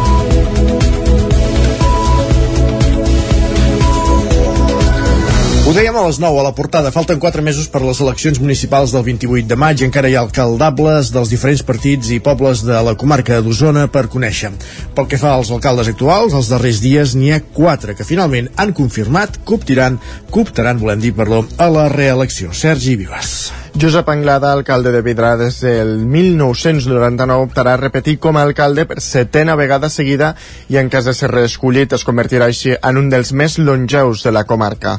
El republicà Jordi Vistós, que es va estrenar el 2019 com a màxim representant de les masies de Roda amb majoria absoluta, es vol tornar a presentar per acabar projectes. Un és donar sortida als terrenys de l'Ajuntament Vell i la llar d'infants que han adquirit aquest mandat o resoldre la, la vigilància de del poble. L'actual alcalde de Sant Boi del Lluçanès, Marc Parés, que va encapçalar la llista independent de tots mm, per Sant Boi, també optarà a la reelecció. Tot i la irrupció de la pandèmia, diu que han pogut tirar endavant gran part del programa electoral, com la primera fase del passeig del Lluçanès. El proper mandat espera encara la segona i altres projectes amb la instal·lació de plaques solars a la teulada del pavelló. I finalment, qui també optarà a la reelecció per tirar endavant els projectes que si li quedaran pendents després del seu primer mandat és l'alcalde de Sant Martí d'Albars, Ramon Pedrós de Junts per Catalunya. Entre les iniciatives que vol portar a terme hi ha el sanejament de totes les cases amb una segona depuradora per als nuclis de Sant Martí i veu l'aigua. Més qüestions, en canvi, encara amb l'àmbit polític, però al Ripollès comencen els 600 pressupostos participatius de l'Ajuntament de Ripoll amb un augment de 125.000 euros del capítol d'inversions. Isaac Muntades, la veu de Sant Joan. Aquest dilluns es va donar el tret de sortida a la sisena edició dels pressupostos participatius de Ripoll perquè els vilatans de la capital del Ripollès decideixin en què es dedica una part dels comptes municipals. Enguany hi tornaran a haver dues partides. La principal novetat és la d'inversions, que creix en 10.000 euros més respecte als darrers anys i ja té un import de 125.000 euros. Per altra banda, hi ha una partida dedicada a serveis de 15.000 euros. En el cas de la partida d'inversions, aquestes han de tractar d'accions en equipaments o espais de gestió municipal. Han de ser viables tècnicament i no està inclòs en el pressupost ordinari. També també han de ser d'àmbit municipal, respondre a una necessitat real i quantificable econòmicament. Per altra banda, es demana que tinguin un principi i final sense significar un cost addicional per l'Ajuntament en anys futurs i que no suposin la contractació personal per part del consistori. S'ha de pensar en propostes en benefici de tots els ciutadans que no responguin a interessos personals. Pel que fa a la partida de màxim 15.000 euros, s'ha de tractar d'activitats amb una durada determinada, de compres de materials per equipaments, manteniment, fires, teatre i espectacles, exposicions d'art efímer, jornades, tallers, serveis amb una durada determinada o estudis terminis concrets. Podem escoltar la regidora de participació Dolors Vilalta explicant alguns dels terminis de la votació. Fins al 19 de febrer es podran presentar les propostes que tothom consideri i bé telemàticament o bé en els llocs físics que cada any hem, hem dit i que repetim, que és l'Ajuntament, la piscina, la biblioteca, els centres cívics i el casal de joves al Galliner. A partir d'aquest termini passarà a l'avaluació tècnica d'acord amb els criteris marcats en el reglament dels pressupostos participatius i es donarà a conèixer quines són les propostes eh, que han superat doncs, aquests criteris i que es porten a votació. El termini de votació serà del 23 de març al 23 d'abril la valoració tècnica es farà del 20 de febrer al 23 de març per tal de portar les accions que passin al tall a una taula de propostes del 16 al 18 de març. En aquests tallers es donarà l'oportunitat a la persona que l'ha presentat a que l'exposi davant del públic assistent i en defensi les raons per fer-ho. El veredicte i avaluació es coneixerà el pròxim 27 d'abril. També es donarà la possibilitat a la ciutadania d'avaluar el procés a través d'unes enquestes en línia i presencials. Poden fer un màxim de fins a 3 propostes totes aquelles persones que facin 15 anys aquest 2023. Des de l'any 2018 ja s'han destinat un total de 590.000 euros a projectes dels pressupostos participatius de la vila. Més qüestions. Maria Nicolau, cuinera del restaurant El Ferrer de Tall de Vilanova de Sau i autora del llibre Cuina o Barbària, eh, inaugura la sisena edició de la Setmana Gastronòmica que fins divendres es desplegarà a l'Escola d'Hostaleria d'Osona. A Tona, Sergi. La cuinera de la Garriga, ara al capdavant del restaurant El Ferrer del Tall de Vilanova de Sau, s'ha dirigit als alumnes de l'Escola d'Hostaleria d'Osona amb un discurs realista sobre el món de la restauració, un sector compromès en el qual, ha dit, s'han de donar coses per, per fet com, per exemple, treballar en cap de setmana. Realista sí, perquè és que si no partim de la realitat, on te volem arribar? Estem construint un, un, una espècie de gegant amb peus de fang, no? En canvi, si partim del que hi ha, a partir d'aquí podem decidir eh, de forma quirúrgica eh, quin és el diagnòstic i podem saber de forma real i eficient què podem fer per canviar-ho per, per solucionar-ho, per millorar-ho o per seguir com estem però primer hem de saber on som en aquest sentit, l'autora de Cuina o Barbària ha recomanat als alumnes que aprenguin a superar les dificultats i que tinguin clar què, què els ha portat a dedicar-se a l'hostaleria. També ha parlat del paper de la dona a l'ofici de les traves que pot suposar per una cuinera la maternitat. I això no pot ser que no ens ho plantegem abans de fer-ho perquè després passa el que passa i després es queda la gent pel camí i per defecte, fins a dia d'avui és la dona qui ha assumit aquestes motxilles i això per mi és la, la resposta a la pregunta de per què no hi ha fotografies a les fotografies als grans congressos dones perquè no es pot guanyar la cursa quan estem parlant d'elit anant el triple de, carregats que, que els altres llavors això per mi era important que ells que són joves ho sapiguéssim. Fins divendres al centre s'hi desplegaran més de 40 activitats per introduir els alumnes a diferents experiències laborals. Ho explica el cap d'estudis de l'escola, Cesc Molera. Aquest any també tenim una cosa molt, molt interessant, que és un exalumne que el tenim treballant a l'Antàrtida i farem una connexió des de l'Antàrtida amb ell perquè ens expliqui doncs, què està fent allà com gestiona la cuina d'una un, base, base militar a l'Antàrtida i bàsicament és això, diferents xerrades que ens serveixen doncs, per poder incidir en coses que no, el dia a dia no podem explicar nosaltres aquí. També seran presents representants de restaurants de renom com el Compartir o el Disfrutar o productors locals com la Selecta. Més qüestions. Eh, el fred no va ser un obstacle per la Fira de Sant Sebastià d'aquest cap de setmana que es va fer a Sant Pere de Torelló.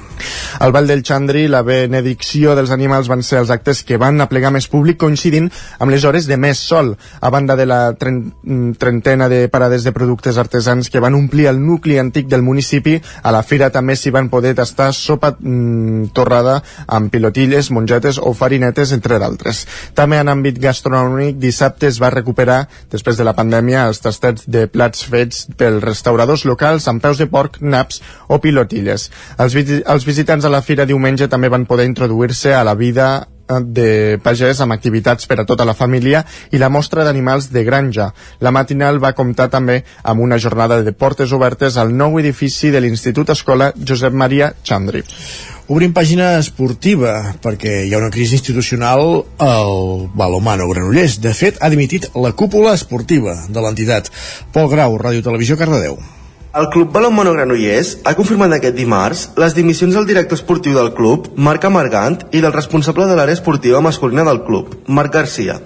A més, també han confirmat en un comunicat que ha plegat el responsable de l'àrea esportiva, Miguel Ángel Gutiérrez. Les dimissions de Marganí Garcia estarien provocades per les discrepàncies en el projecte del sènior femení i la continuïtat de la seva entrenadora, Dolor Martín, en el cas de Margant, i per les diferències en la carrera masculina en el cas de Garcia i Gutiérrez. En el comunicat fet públic, el Palomar Granollers diu que el club es troba en un procés de transició cap a una estructuració i professionalització i que s'està en un entorn econòmic i esportiu complex. S'explora contínuament alternatives que permetin millorar la situació dels equips i la continuïtat i viabilitat de l'entitat. Finalment, l'entitat diu que es treballa per trobar les persones que puguin assumir aquests càrrecs dins de la pròpia estructura directiva i professional del club.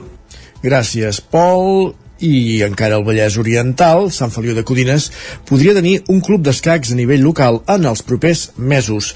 Roger Ram, zona codinenca. Sí, aquesta és la conclusió que en deriva de la reunió que s'ha fet aquesta setmana a l'aula de formació del Centre Cívic La Fonteta de Sant Feliu, on s'hi convocava totes les persones aficionades a aquest joc. Aquesta primera trobada va servir per conèixer quanta gent estaria interessada en crear un club d'escacs al poble, ja que en els darrers anys hi ha hagut persones que han manifestat la voluntat de seguir jugant més enllà de l'àmbit escolar, on Sant Feliu sí que hi té una organització.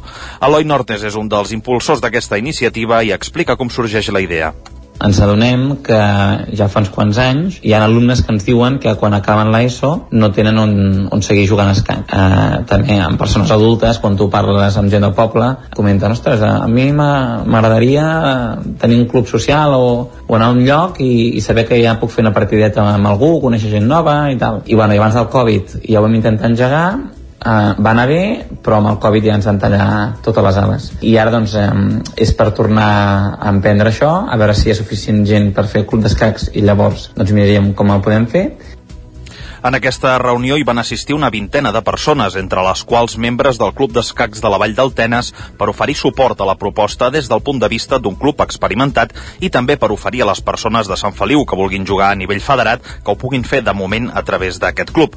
Nortes treia aquestes conclusions al finalitzar aquesta reunió.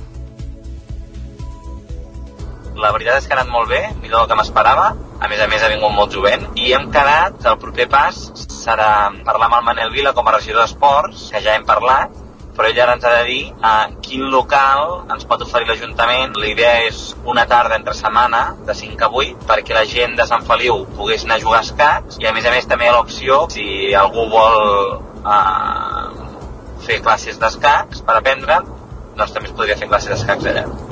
En les properes setmanes s'espera que anem coneguent a poc a poc més detalls sobre aquesta iniciativa. Gràcies, Roger. Amb aquesta història, amb aquesta proposta de crear un club d'escacs Sant Feliu de Codines, acabem aquest repàs informatiu i començàvem al punt de les 10 en companyia d'en Roger Rams, l'Isaac Muntades, en Pol Grau i en Sergi Vives. Moment al territori 17 d'afegir un altre nom en aquest quartet, per tant serà un cinquet, fer el repòquer amb en Pep Acosta.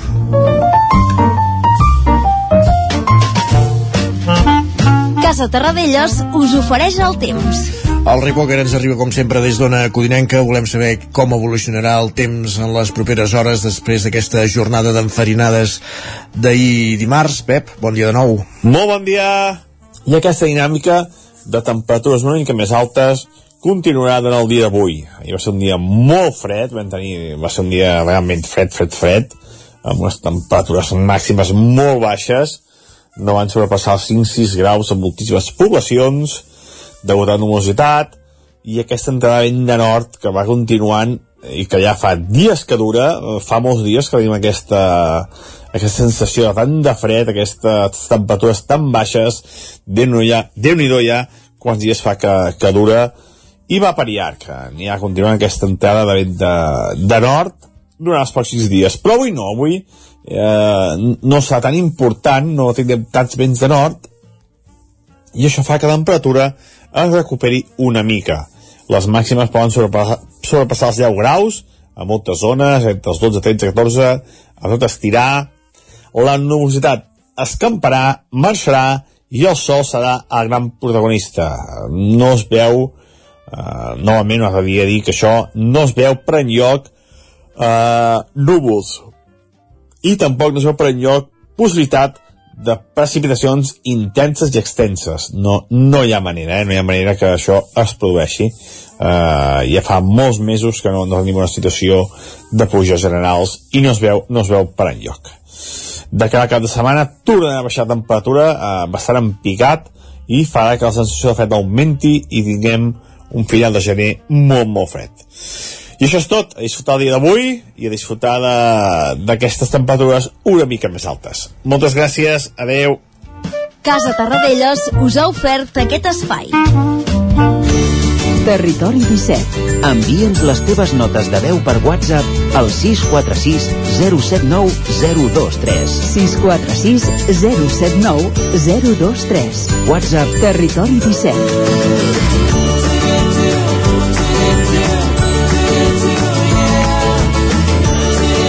Territori Territori 17. Som a Facebook, Twitter i Instagram amb l'usuari Territori 17.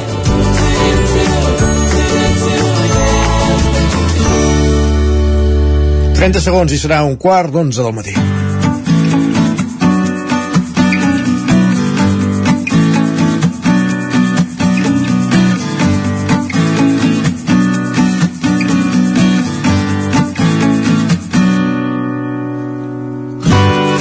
Continuem al territori 17, de fet no ens movem d'ona codinenca, perquè després de parlar amb en Roger Rams, amb en Pep Acosta, ara és moment de saludar-hi en Jordi Givert. Com cada dimecres a aquesta hora ens acosta el territori sostenible i continuant una mica la línia de la setmana passada en què ens posàvem al dia de la situació de les comunitats energètiques al Moianès, avui aprofundim en una d'elles, concretament en la de Santa Maria d'Oló. Per tant, com està la creació d'aquesta comunitat energètica Santa Maria d'Oló? Ho desvetllem tot seguit avui al Territori Sostenible amb en Jordi Givert. Jordi, bon dia, benvingut una setmana més. Doncs avui som a, a Oló perquè s'ha fet una, una xerrada sobre la possible creació d'una comunitat eh, energètica i estem amb, amb la, els membres de, de la cooperativa Malcat que han donat aquesta xerrada uh, són l'Albert i, i la Rat uh, hola, benvinguts Hola. Hola. Mira, volíem parlar amb vosaltres per conèixer els detalls una mica del, del que heu explicat avui i, i també donar-ho a conèixer a la, a la resta de, de gent del poble, a la comarca, ja que Santa Maria d'Oló seria un model aplicable a altres pobles d'aquí al Moianès, Catalunya Central. Llavors, uh, per començar, una comunitat energètica a, a Santa Maria d'Oló. Com, quins serien els primers passos a, a fer per crear aquesta, aquesta comunitat energètica? Mira, el que des de l'Ajuntament ens van proposar a través de la Diputació fer un primer anàlisi. Uh -huh. Llavors aquest primer anàlisi és estudiar possibles generacions i veure com poden lligar amb possibles consums. Ara ara ja tenim un primer estudi, quan pot costar això i quan podem generar amb les instal·lacions que ens ha proposat inicialment l'Ajuntament que li faria, bueno, que troba que, que tenen possibilitats de tirar endavant. Llavors, ara estem en una fase que hem de veure realment si hi ha consumidors i gent interessada en desenvolupar o, o crear aquesta comunitat a partir de les instal·lacions que ens ha proposat inicialment l'Ajuntament. Mm -hmm. Vale. Uh, a partir d'aquí, uh, quin model, com, com es faria aquesta, aquesta cooperativa? Uh, seria basada en plaques solars? Uh, com, quines es farien servir plaques solars ja existents? Plaques uh, solars que s'haurien d'instal·lar en alguns punts concrets del, del poble? Com funcionaria? Vale, el, que, el que ha plantejat inicialment l'Ajuntament és que, com tu deies, aquesta comunitat energètica sigui una cooperativa, que siguin les veïnes d'Oló qui tinguin un paper important en tot el que és la dinamització, constitució, organització d'aquesta comunitat energètica i el que l'Ajuntament sí que planteja és um, edificis municipals on pugui ser on s'instal·lin aquestes instal·lacions uh -huh. val? llavors sí que és veritat que si algú ja té plaques és possible que participi d'aquest projecte Sí, està basat en fotovoltaica i potser sí o potser no, depenent de l'interès, amagatzematge per aprofitar energia quan no hi ha sol. O sigui, seria amb una versió sense bateries o, o amb bateries per emmagatzemar la pròpia energia. Sí, o sigui que és un model d'autoconsum, que és una legislació que està clara i que es pot fer en, en format col·lectiu, doncs mirar com ho podem mm, aplicar en aquest entorn, amb les instal·lacions que estan programades, ampliant-les o, o mirar quines possibilitats tenen i veure quanta gent té interès en aprofitar-ho i quanta gent ho pot aprofitar amb la llibertat. Uh, aquest cas de, de participació amb, amb l'Ajuntament seria en l'espai és, és habitual uh, o en diferents uh, comunitats energètiques o, o no? O, o es fan més a nivell privat? No. Uh, a veure és, és un tema molt nou i s'estan fent molts models diferents però sí que és veritat que en molts dels municipis en què s'estan fent projectes d'aquests el, el nucli inicial són instal·lacions en edificis municipals uh -huh. en alguns casos són instal·lacions municipals en altres casos com el que es planteja aquí són instal·lacions d'una entitat formada pels veïns que re, a qui l'Ajuntament cedeix el lloc on posar aquestes plaques. Uh -huh. O sigui, en principi, les fases inicials de moltes comunitats com comencen en fase inicial instal·lacions que, que proposa l'Ajuntament i després si la, si la comunitat es va ampliant clar, ja supera la dimensió Ajuntament i les instal·lacions de l'Ajuntament, etc. No? Uh -huh a, a nivell de, de, de crear la cooperativa quin avantatge té uh, per algú per exemple que, que acaba de posar plaques solars entrar a la cooperativa o, o fer-la algú que estigui pensant en instal·lar-se-les a casa seva pel seu compte quins avantatges tindria fer-ho a dins la cooperativa? A veure, un, un avantatge pels que no en tenen encara uh -huh. és el preu clar, fer una instal·lació petita és molt més car que fer-ne una de gran. Després, el, el, el fet de que és més modulable si tu pots tindre un, si tens una instal·lació a casa tens la que tens si tens una instal·lació col·lectiva pues es pot ajustar una mica a les necessitats variant els coeficients o la part d'instal·lació que et quedis val? i si tu estàs a fora i ja tens instal·lació bueno, ja la tens pots mm, compartir aquesta instal·lació i utilitzar-ne que algun altre utilitzi una part de la teva o, o utilitzar-ne més uh -huh. o bateries o, i, i sobretot utilitzar els serveis que dongui la comunitat de seguros, de manteniment de, bueno, del que sigui no? d'ampliacions de a la, la cooperativa, o sigui, la instal·lació que, que, que plantegeu, com cobriria, el, permetia que, que la gent que entrés a la cooperativa fos autosuficient a nivell energètic, o sigui, quina part del consum que generen eh, quedaria coberta? Uh, això depèn del model, és a dir, si, si es vol uh, utilitzar emmagatzematge o no, i també de les decisions de què espera cada persona que entra a la cooperativa. Uh, arribar al 100% no, uh -huh. perquè això requeriria unes instal·lacions molt més grans de, del que faria que sortissin diguem, els números uh -huh. d'estalvi, però sí que amb una instal·lació amb bateries pots arribar a sobiranies d'un 80% o alguna així i que segueixis estalviant més del que t'ha costat. Uh -huh uh, però el que deia, això és bastant una decisió de què es busca quan es fa aquesta, aquesta cooperativa. A l'hora de, de parlar una mica de, de números eh, què, què costaria, per exemple, no sé si teniu algun exemple de, de què podria costar una persona que vol entrar a la cooperativa, una inversió inicial eh, i, una, i una quota, si s'hauria de pagar, com funciona això? Aquí hem proposat dues versions. Una, que es pugui fer una quota inicial una mica alta i després una quota de serveis que en diem baixeta durant tota la vida que hi sigui, uh -huh. eh, associada al número de quilowatts que t'has apuntat a utilitzar, vale? quilowatts pic de, de fotovoltaica, que és una versió, i l'altra és, suposant que hem demanat un crèdit o el que sigui, llavors és una quota una mica més alta però repartida en més anys. Uh -huh Val? Llavors aquestes són les dues versions de, que s'han proposat. Llavors el, el preu de la quota hem calculat de manera que sigui més baix de, que, el, que, el, que, el que et puguis estalviar, sí. o sigui que tinguis estalvi real i, i depèn molt això de la quantitat de, de, de quilowatts que t'assignin que t'assignin no? Uh, podríem posar un exemple per un uh, consum d'una casa de dues persones, per exemple, una família amb un fill, no sé si teniu, potser ara us atrapo aquí, que, que no teniu les dades a, a la mà. A veure, uh, això depèn bastant de lo gran que sigui el projecte, dels edificis on s'acabi instal·lant, etc. Però per donar uns quants números, uh, una família normal, que no tingui un, un consum molt gran, segurament uh, en el model de pagament inicial més quota podrien ser uns 1.500-2.000 euros inicials i una quota d'uns 50 euros l'any. Uh -huh. Si fos, eh, en lloc d'un pagament inicial i una quota, fos un pagament extens durant de la inversió durant els 10 o 20 anys eh, de préstec o de vida de la instal·lació? doncs podríem estar pagant pensant potser d'uns 200 euros a l'any a l'any, eh? a l'any, 200 o 150 una cosa així uh -huh. Molt bé.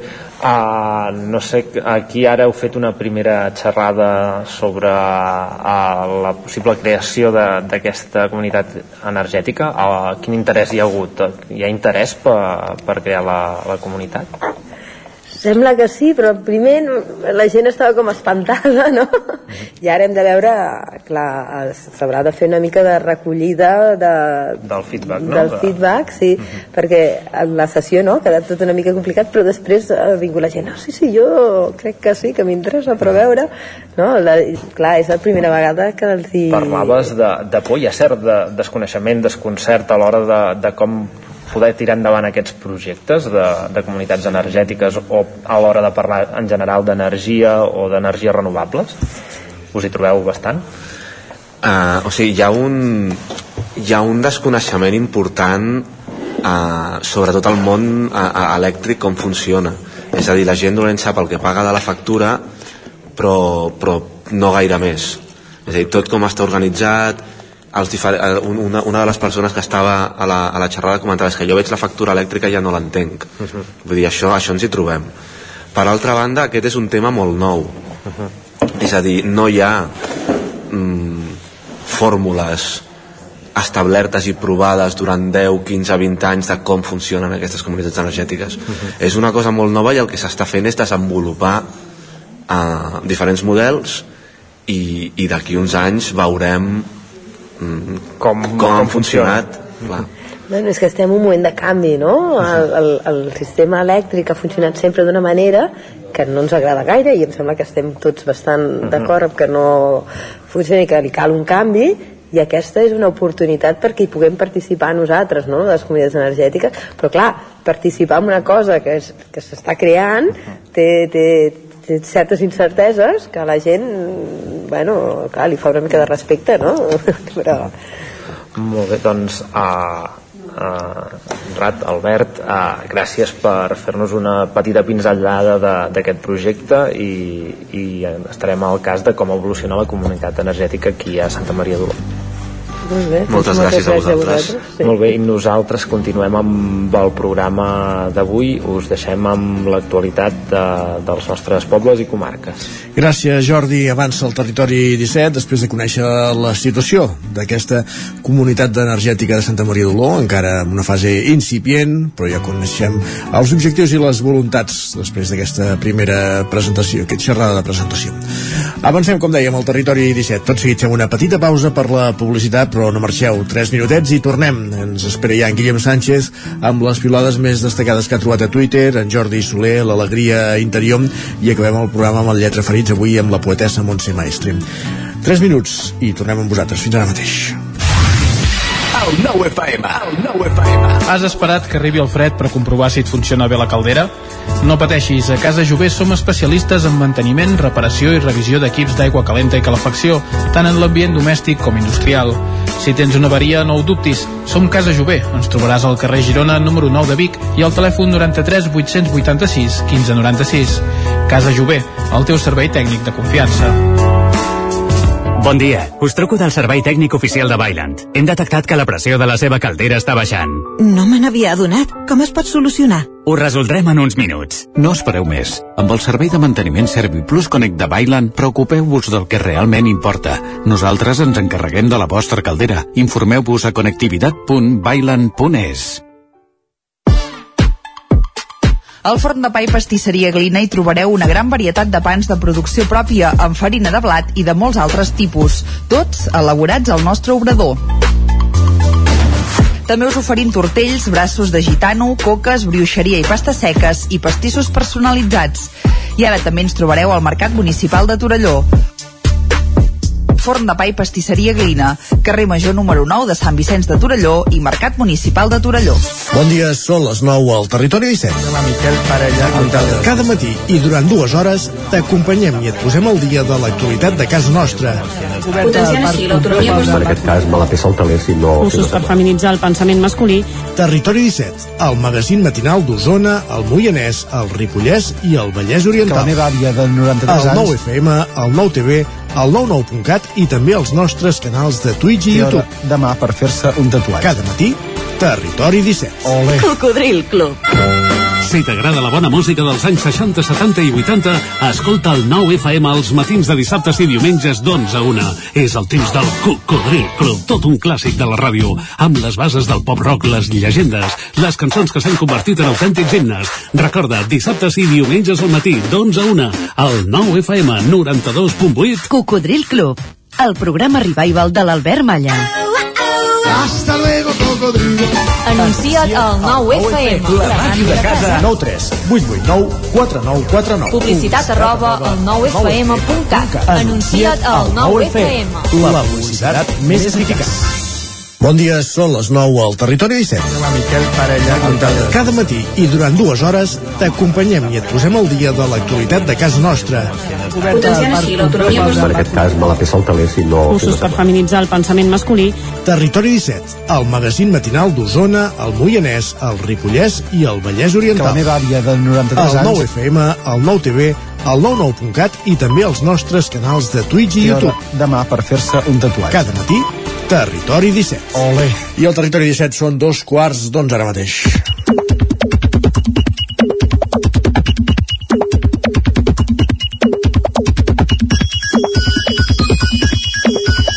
I a dos quarts d'onze cada dia al Territori 17, piolades, avui en companyia de la Natàlia Peix, benvinguda, bon dia. Hola, bon dia. Què hem trobat a Twitter? Bé, hem trobat mm, tuits de neu i sobretot de fred. Suposo que tots més o menys heu superat eh, bé, no?, amb Sí. dignitat aquesta nevada d'ahir a Osona, que a la plana doncs, realment va ser molt anecdòtica. Llocs més elevats poder va generar unes miques més de, de problemes, però vaja. La jornada crítica va ser ahir amb la neu, però amb el gel, alerta Sí, avui. eh? alerta avui, matí, exacte, Déu-n'hi-do. exacte. Sí, sí. Uh, també ho puc corroborar. Molt bé. Um, doncs això, parlem sobretot avui de fred.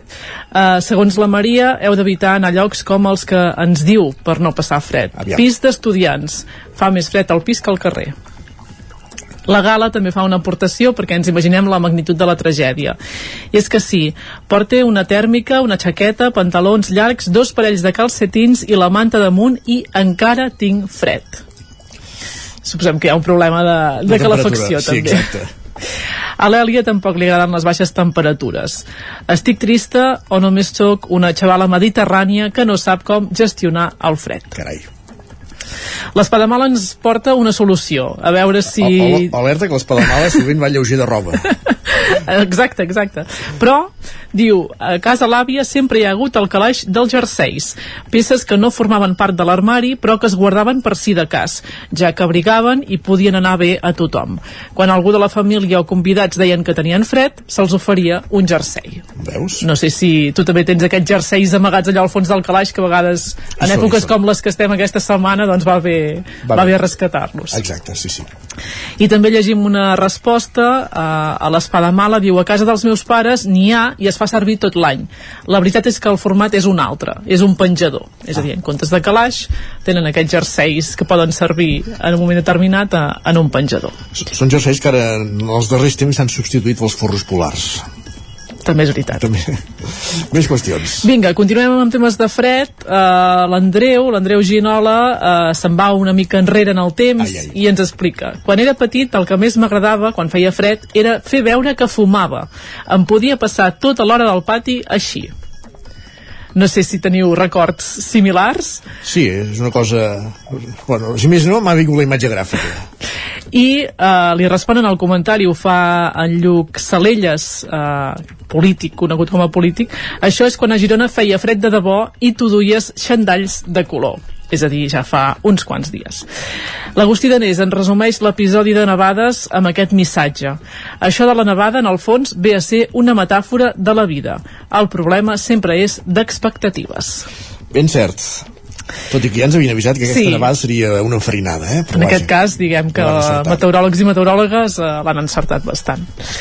I ara deixem eh, el fred i la neu, eh, ens atem una secció diferent, Ja, diguem, que la podem titular Catalans pel món. Ai, ai. Uh, una primera aportació la fa la Mireia. L'acte de patriotisme de dir Catalònia quan el profe d'irlandès m'ha preguntat d'on sóc. I tu què has fet avui per Catalunya? Veus, doncs mira. I li respon l'Helena les successives professores de txec que he tingut m'han anat presentant com a catalanca als nous companys que vaig tenint. Resultat, la majoria pensen que sóc de Calàbria. per tant, en aquest cas Catalanca.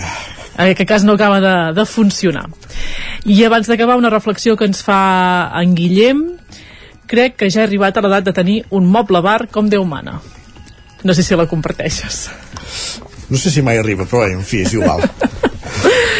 doncs és tot Moltes gràcies, Natàlia. Que vagi bé. El moble bar també és una bona manera de superar el fred, val a dir-ho.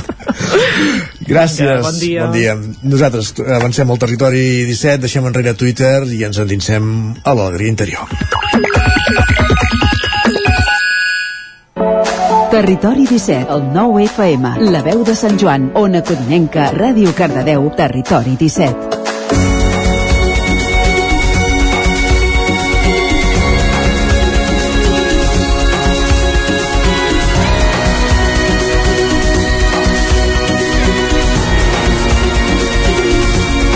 Cinc minuts que passen de dos quarts d'onze del matí ens acompanya ja en Jordi Soler als estudis del 9FM. Jordi, benvingut, bon dia. Bon dia.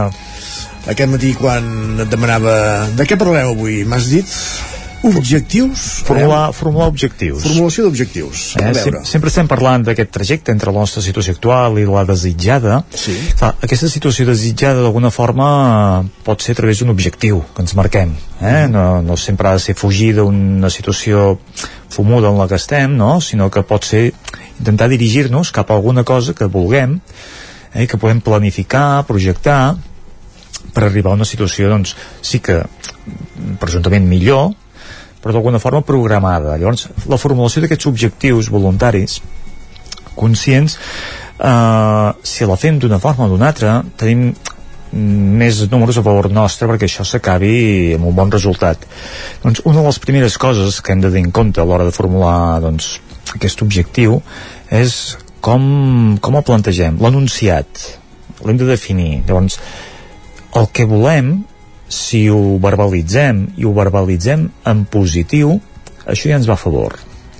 No és allò de dir eh, vull deixar de tenir vergonya davant de la gent quan estic parlant en públic això és un anunciat en negatiu no? Vull dir, deixar de tenir no és una cosa bona que ens afavoreix ara dir, vull tenir més seguretat vull estar més ben preparat això és ja projectar un, una situació que al verbalitzar podem fins i tot reproduir en els nostres canals sensitius vull dir, quan jo parlo, verbalitzo de que em vull sentir més segur estic segur que instantàniament em puc veure a mi mateix davant d'aquesta situació amb aquest estat, no? Vull dir que vull tenir més seguretat quan parlo en públic doncs jo d'alguna forma ja estic reformant aquesta situació, per tant, tal com ho verbalitzem tal com definim aquest objectiu és important Per tant, primer objectiu, la definició.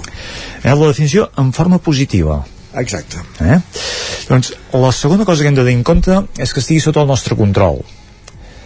Llavors, si jo dic, el meu objectiu és caure bé tothom, clar, això no, no depèn de mi, no? perquè per molt bé que ho faci, l'altra gent... L'objectiu és que em toqui la loteria, tampoc depèn de mi. No? Tampoc depèn de mi. Per tant, aquests objectius els hem d'apartar una mica i hem d'encarar-nos cap a coses que estiguin sota el nostre control. O sigui, jo no puc eh, obligar ningú a que li caigui bé, però sí que puc eh, fer coses per jo estar més en sintonia amb la gent del meu entorn. Llavors això pot permetre que aconsegueixi aquest altre objectiu, però haig de verbalitzar-lo, haig d'enfocar-lo cap a aspectes que estiguin sota el nostre control si no hi ha frustració, no? I com és que no caic bé la gent? Bueno, és que no depèn de tu, això, no? Què fas tu per aconseguir això? Demanar-ho? No.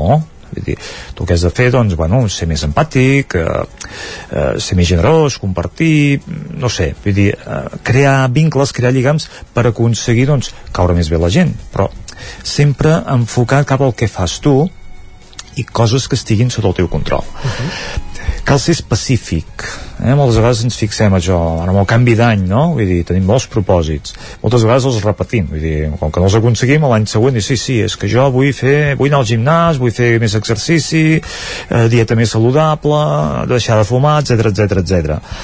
Clar, si ho plantegem d'una forma així general, poc específica, és difícil de que això ho aconseguim.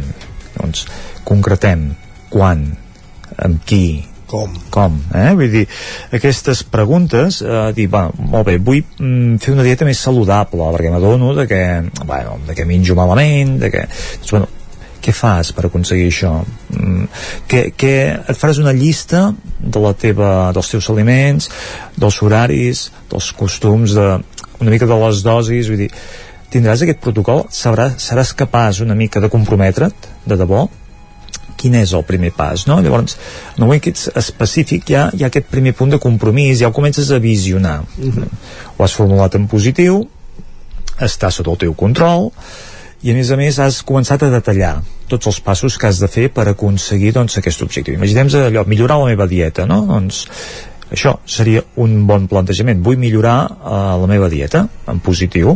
Està sota el meu control? Evidentment que està sota el meu control, eh? perquè jo decideixo com vaig al supermercat o a la botiga doncs què compro o què no compro, què, què, què consumeixo o què no consumeixo. Està sota el meu control.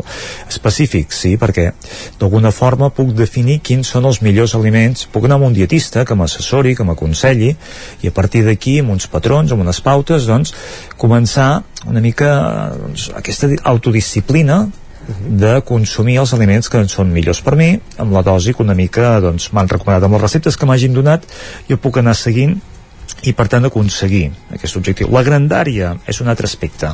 Eh? A vegades ens fixem allò, objectius eh, irrealitzables. Jo vull, no sé, mm, eh, perdre 40 quilos de pes. Mm, compte, no. Vull dir, això eh, no és bo ni per la teva salut vull dir que has de fixar-te objectius que estiguin al teu abast. I el tamany és important.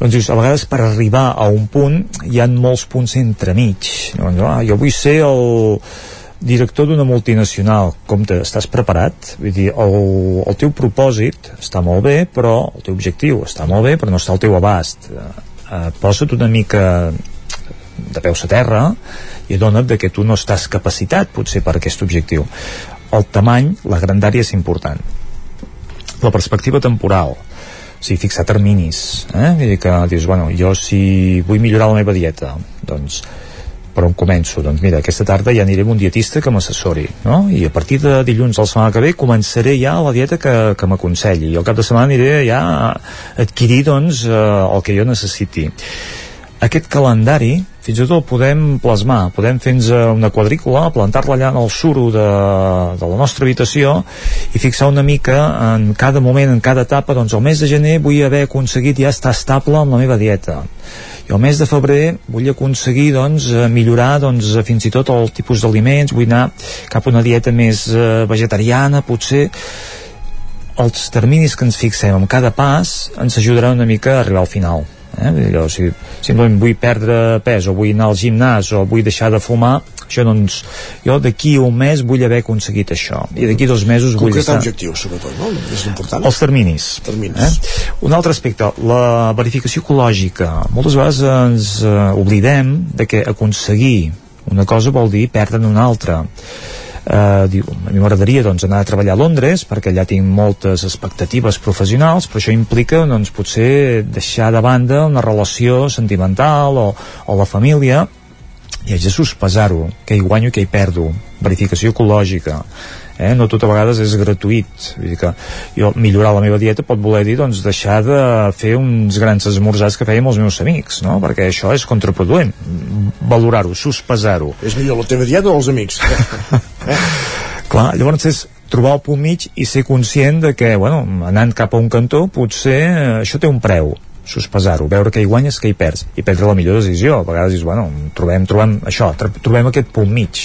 Puc tenir una dieta equilibrada entre setmana, vigilaré, jo cap de setmana em permetré un dia doncs, fer una trobada amb els amics i, i allà doncs, bueno, potser no, no vigilar tant perquè ho compenso entre setmana no? trobem aquest punt mig, no deixarem els amics per culpa de la dieta. Saber trobar sempre l'equilibri entre el que obtenim i el que hem de, el que hem de donar a canvi. Un altre aspecte que hem de tenir en compte a l'hora de formular un objectiu és tenir els recursos. Uh -huh. Tenim la formació, tenim la preparació, tenim les eines per aconseguir aquest objectiu. Si no ho tenim, hem de d'alguna manera doncs, proveir-nos eh, d'aquests recursos, tenir-ho en compte, saber què tenim, què som, quina preparació tenim. Finalment, què ens ajuda a saber que, que hem aconseguit eh, l'objectiu. Vull dir que no serveix de res formular un objectiu si realment no podem saber mai si hem arribat o no hem arribat a aquest final de trajecte.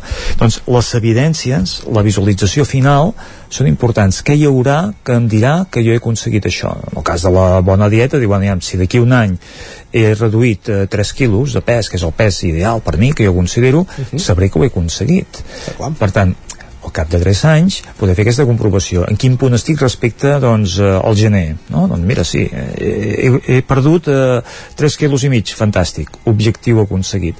Saber d'alguna manera trobar aquestes eines de mesura ens ajudarà doncs, fins i tot fixar-nos nous propòsits, nous objectius. Vull dir que aquesta comprovació final. Doncs el, el punt final per arribar a aquests objectius cal a vegades fer passos intermig, els subobjectius. I a vegades aquests objectius satisfan objectius més enllà de... Eh? Són els metaobjectius. Els metaobjectius són objectius més enllà de... Els subobjectius són passos entremig que a vegades són necessaris, preparar-nos, formar-nos, eh, adquirir, eh, per poder arribar en aquest punt que sempre doncs, bueno, ens hem fixat d'inici, eh? a l'inici del camí, fixem l'objectiu final, i a partir d'aquí doncs, aplicant una mica aquestes regles eh, ens és més fàcil. Doncs eh, els, la formulació d'objectius sempre és important per arribar al, a l'objectiu final diguéssim, no? diguéssim, el gran objectiu. Eh, avui n'hem parlat a l'alegria interior, aquest espai que fem cada 15 dies aquí al territori 17 i que ens acosta cada setmana en, en, en Jordi Soler. Gràcies Jordi, una setmana més. A tu Isaac. Avancem al territori 17 perquè tot seguit el que farem és parlar de, de llibres i d'un llibre en concret, de poesia tot seguit amb la poetesa Montse Mestre des de la veu de Sant Joan en companyia de l'Isaac Muntades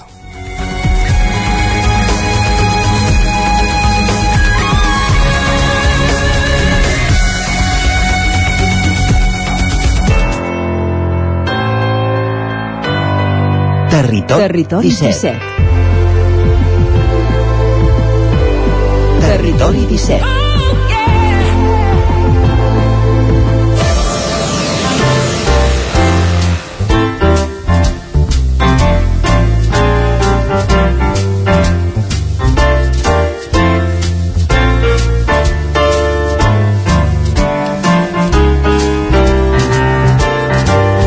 Doncs com dèiem, espai pel Lletra Ferits, ara que falten 14 minuts perquè siguin les 11 del matí i anem fins a la veu de Sant Joan. Allà ens espera l'Isaac Muntades.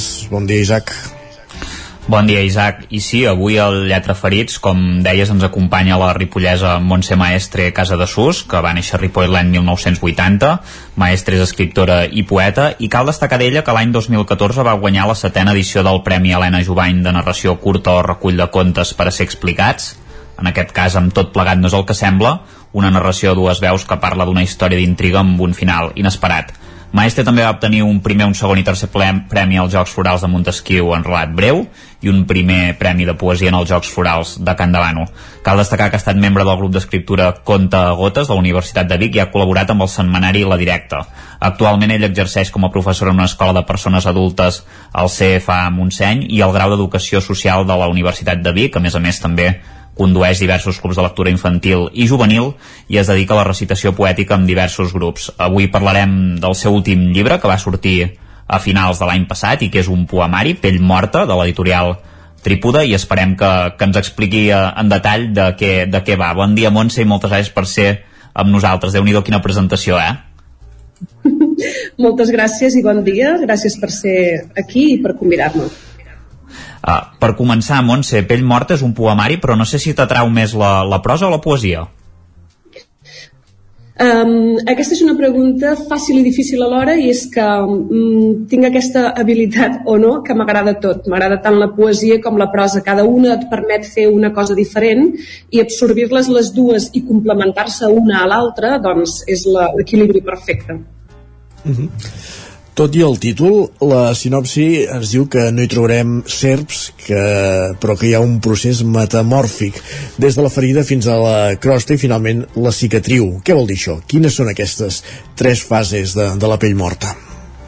Sí, eh, això és una metàfora, una, una metàfora senzilla, no? No volia que les persones que agafessin el llibre es perdessin en grans títols i senzillament tothom pot copsar eh, aquesta metàfora de la pell que s'inicia amb una ferida, una cosa que, que colpeix, que fa dolor, que sutura, passant per un segon procés que és aquest de crosta de començar-se a guarir i finalitzant amb una cicatriu, que sempre que tenim una ferida, malgrat intentem fer crosta i passar pàgines, sempre hi ha alguna marca que queda en el nostre cos o en el nostre cor. En aquest cas, la ferida té a veure amb una ruptura amorosa, però es podria um, traslladar a qualsevol alt, altre àmbit de la vida en el qual patim un dolor o un procés en el qual um, ens genera sofrir. Uh, en aquest cas, a Montse, no sé si pot ser autobiogràfic o senzillament és una cosa que tu has, has tret, eh? Vull dir, no, no parla de tu en aquest cas, o sí? No, no sé quins temes s'hi tracten exactament en, en aquest poemari. Jo penso que qualsevol cosa que escrivim en poesia eh, tracta de nosaltres encara que no ho vulguem fer de, de forma explícita, no?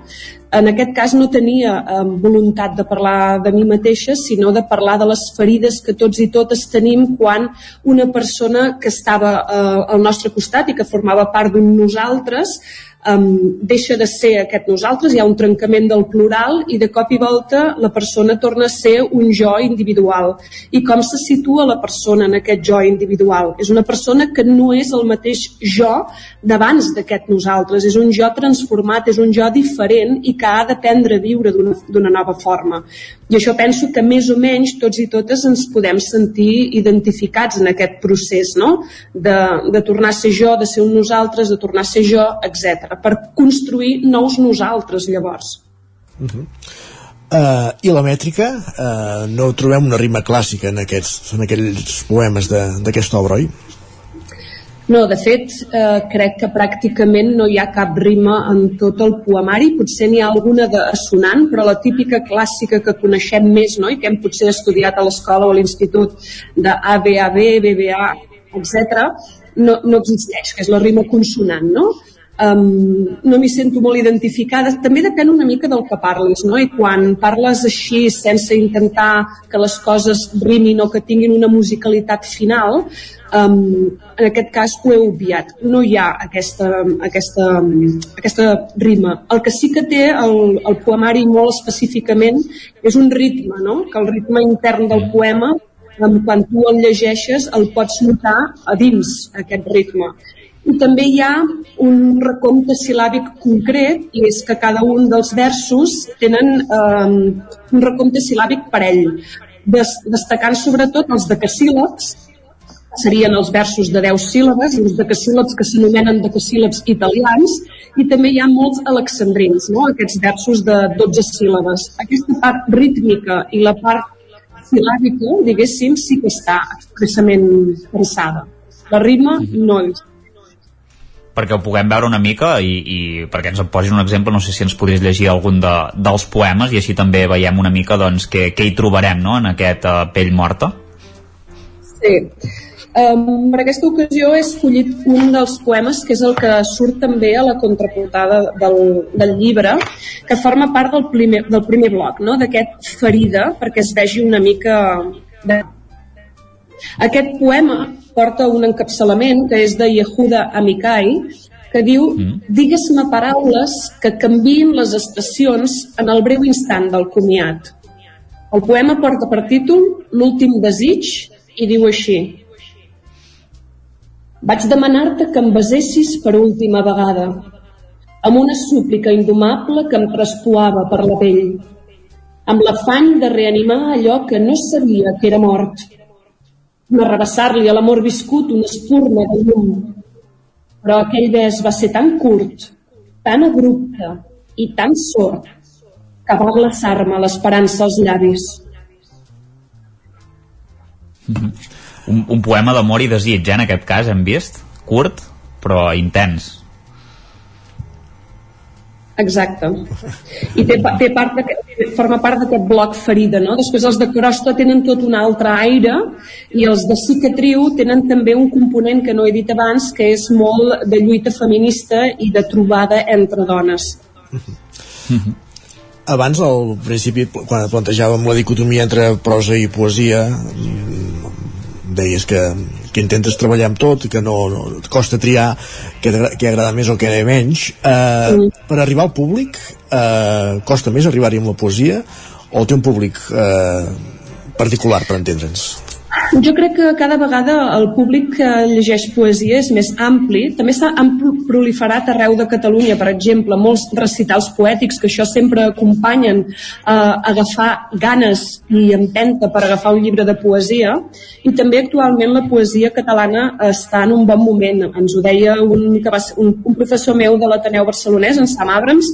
Hi ha molts eh, poetes i moltes poetes actualment amb una qualitat a darrere bastant important. Llavors crec que el públic ha, ha anat creixent, tot i així continua sent un, un espai per a minories, perquè la difusió poètica eh, a nivell editorial i també de concursos literaris, per exemple, o de reconeixements, queda sempre una mica en segona fase. Uh mhm. -huh. I des de la teva vessant de professora, Montse, que ara comentes això, eh? No sé si als alumnes els hi costa més que els hi entri, eh, prefereixen més li literatura, no llegeixen gaire, no sé com, com estan els, els teus alumnes. Jo actualment utilitzo la poesia tant a l'escola de persones adultes com a la universitat i, i tot depèn de la poesia que costes. De, de poesia n'hi ha molta, i jo sempre dic que hi ha una poesia per a cada persona, i has de saber trobar aquella poesia que connecta amb les persones. Si jo faig classe de poesia en poemes que sé que no connectaran amb el meu alumnat, és molt possible que s'encansin de seguida, però si escullo coneixent el meu alumnat i pensant que aquells poemes els diran alguna cosa, els ressonaran alguna cosa, i a través de la passió que sento jo cap a la poesia, és fàcil enganxar les persones a la poesia. És així, perquè senten que aquells poemes els interpel·la i senten que la persona que els hi acosta els sent com a veritables i això funciona molt bé. Mm -hmm. No sé si en tens més dependent per, eh, per publicar, perquè aquest llibre no sé si és el primer recull poètic que has fet, eh, concretament. De poesia. Em demanes, mm. eh? La sí, poesia, sí, de poesia. Ara, Sí, tinc un, un altre llibre que no, no tardarà molt a sortir, però és un llibre de poesia infantil perquè això s'amara de la meva consciència que per eh, tenir lectors i lectores de poesia hem de fer una bona educació poètica des que som petits i petites. Llavors vull dedicar una part de la meva escriptura a fer poesia infantil, a intentar fer bons poemes pels nens i per les nenes perquè creixin ja amb una consciència poètica. Per tant, el que tinc és un llibre de poesia infantil. Uh -huh doncs estarem pendents. Uh, abans també hem dit que havies guanyat premis en, en prosa. Tens algun altre projecte entre mans, diguéssim, en, en aquest altre àmbit? Sí, tinc uh, una novel·la que ara fa 11 anys que escric, que és una novel·la amb un de gruix considerable i com que té una part d'història i jo no sóc historiadora i per tant he hagut de fer molta recerca per poder-la escriure i després de 11 anys puc dir que està arribant al final i em fa molta il·lusió que haver arribat a aquest punt perquè no sabia si me n'acabaria sortint després de tants anys d'escriptura i reescriptura. Mm, la tindrem aquest 2023, Montse, t'aventures a fer un pronòstic? 23-24. Molt bé. Perfecte. Uh, aquest llibre, ho dèiem a l'inici també, la, està editat amb l'editorial Trípode. Quina és la relació que tens amb aquesta editorial i on podem trobar l'obra? A mi em feia una mica de respecte, la, la veritat, formar part d'un equip editorial, perquè hi ha prejudicis i judicis sobre les editorials, però en aquest cas concret um, vaig anar a parar a Trípode a través d'una amiga que és escriptora, Assum Guardiola, que va demanar a l'editora si podia llegir el meu llibre perquè li semblava que encaixava amb el seu perfil editorial i així, així ha estat. Um, a l'editorial Trípode tinc molt agrair perquè tot l'equip que el forma cuida molt els autors i les autores, la qual cosa s'agraeix moltíssim. Hi ha una correctora, l'Helena Batlle, que és formidable, l'editora, la Pilar Prim, la maquetista, l'Emma, o sigui, tot el personal cuida l'autor i l'autora i això és eh, especial, sentir-te recolzat, perquè al final és un projecte de totes i totes ens hi hem de sentir reflectides. I em preguntaves, Isaac, dona uh, una cosa sí, més? Sí, on la podem trobar? Ah, sí. Bueno, doncs com qualsevol llibre, a qualsevol llibreria està disponible, si no hi és es pot demanar, també es pot demanar a l'editorial directament a la pàgina web Eh, en el cas de Ripoll, jo la tinc a la llibreria Lluerna, que és una llibreria que té un any i poc de funcionament, uh mhm. -huh. i allà és uh mhm. -huh. la presentació i on, i on recomano anar-la a comprar a la gent del Ripollès. Montse Mestre, autora d'aquest volum de d'aquest poemari que avui hem conegut al, al territori 17 gràcies per acompanyar-nos aquest matí per presentar-nos la pell morta i molta sort amb el que proposis gràcies a vosaltres per difondre la poesia a través dels vostres canals. I acabem aquí també el Territori 17. Gràcies, Isaac. Un dia més. Ens veiem demà. A vosaltres, fins demà. Seu. Com dèiem, acabem el Territori 17. Us hem acompanyat des de les 9 del matí. Pepa Costa, Pol Grau, Roger Rams, Jordi Givert, Guillem Sánchez, Jordi Soler, Isaac Muntades, Sergi Vives, Isaac Moreno. I tornarem demà, a partir de les 9 del matí. Fins aleshores, molt bon dimecres i gràcies per ser-hi. Adéu-siau. Territori 17 un magazín del nou FM. La veu de Sant Joan, Ona Codinenca i Ràdio Cardedeu amb el suport de la xarxa.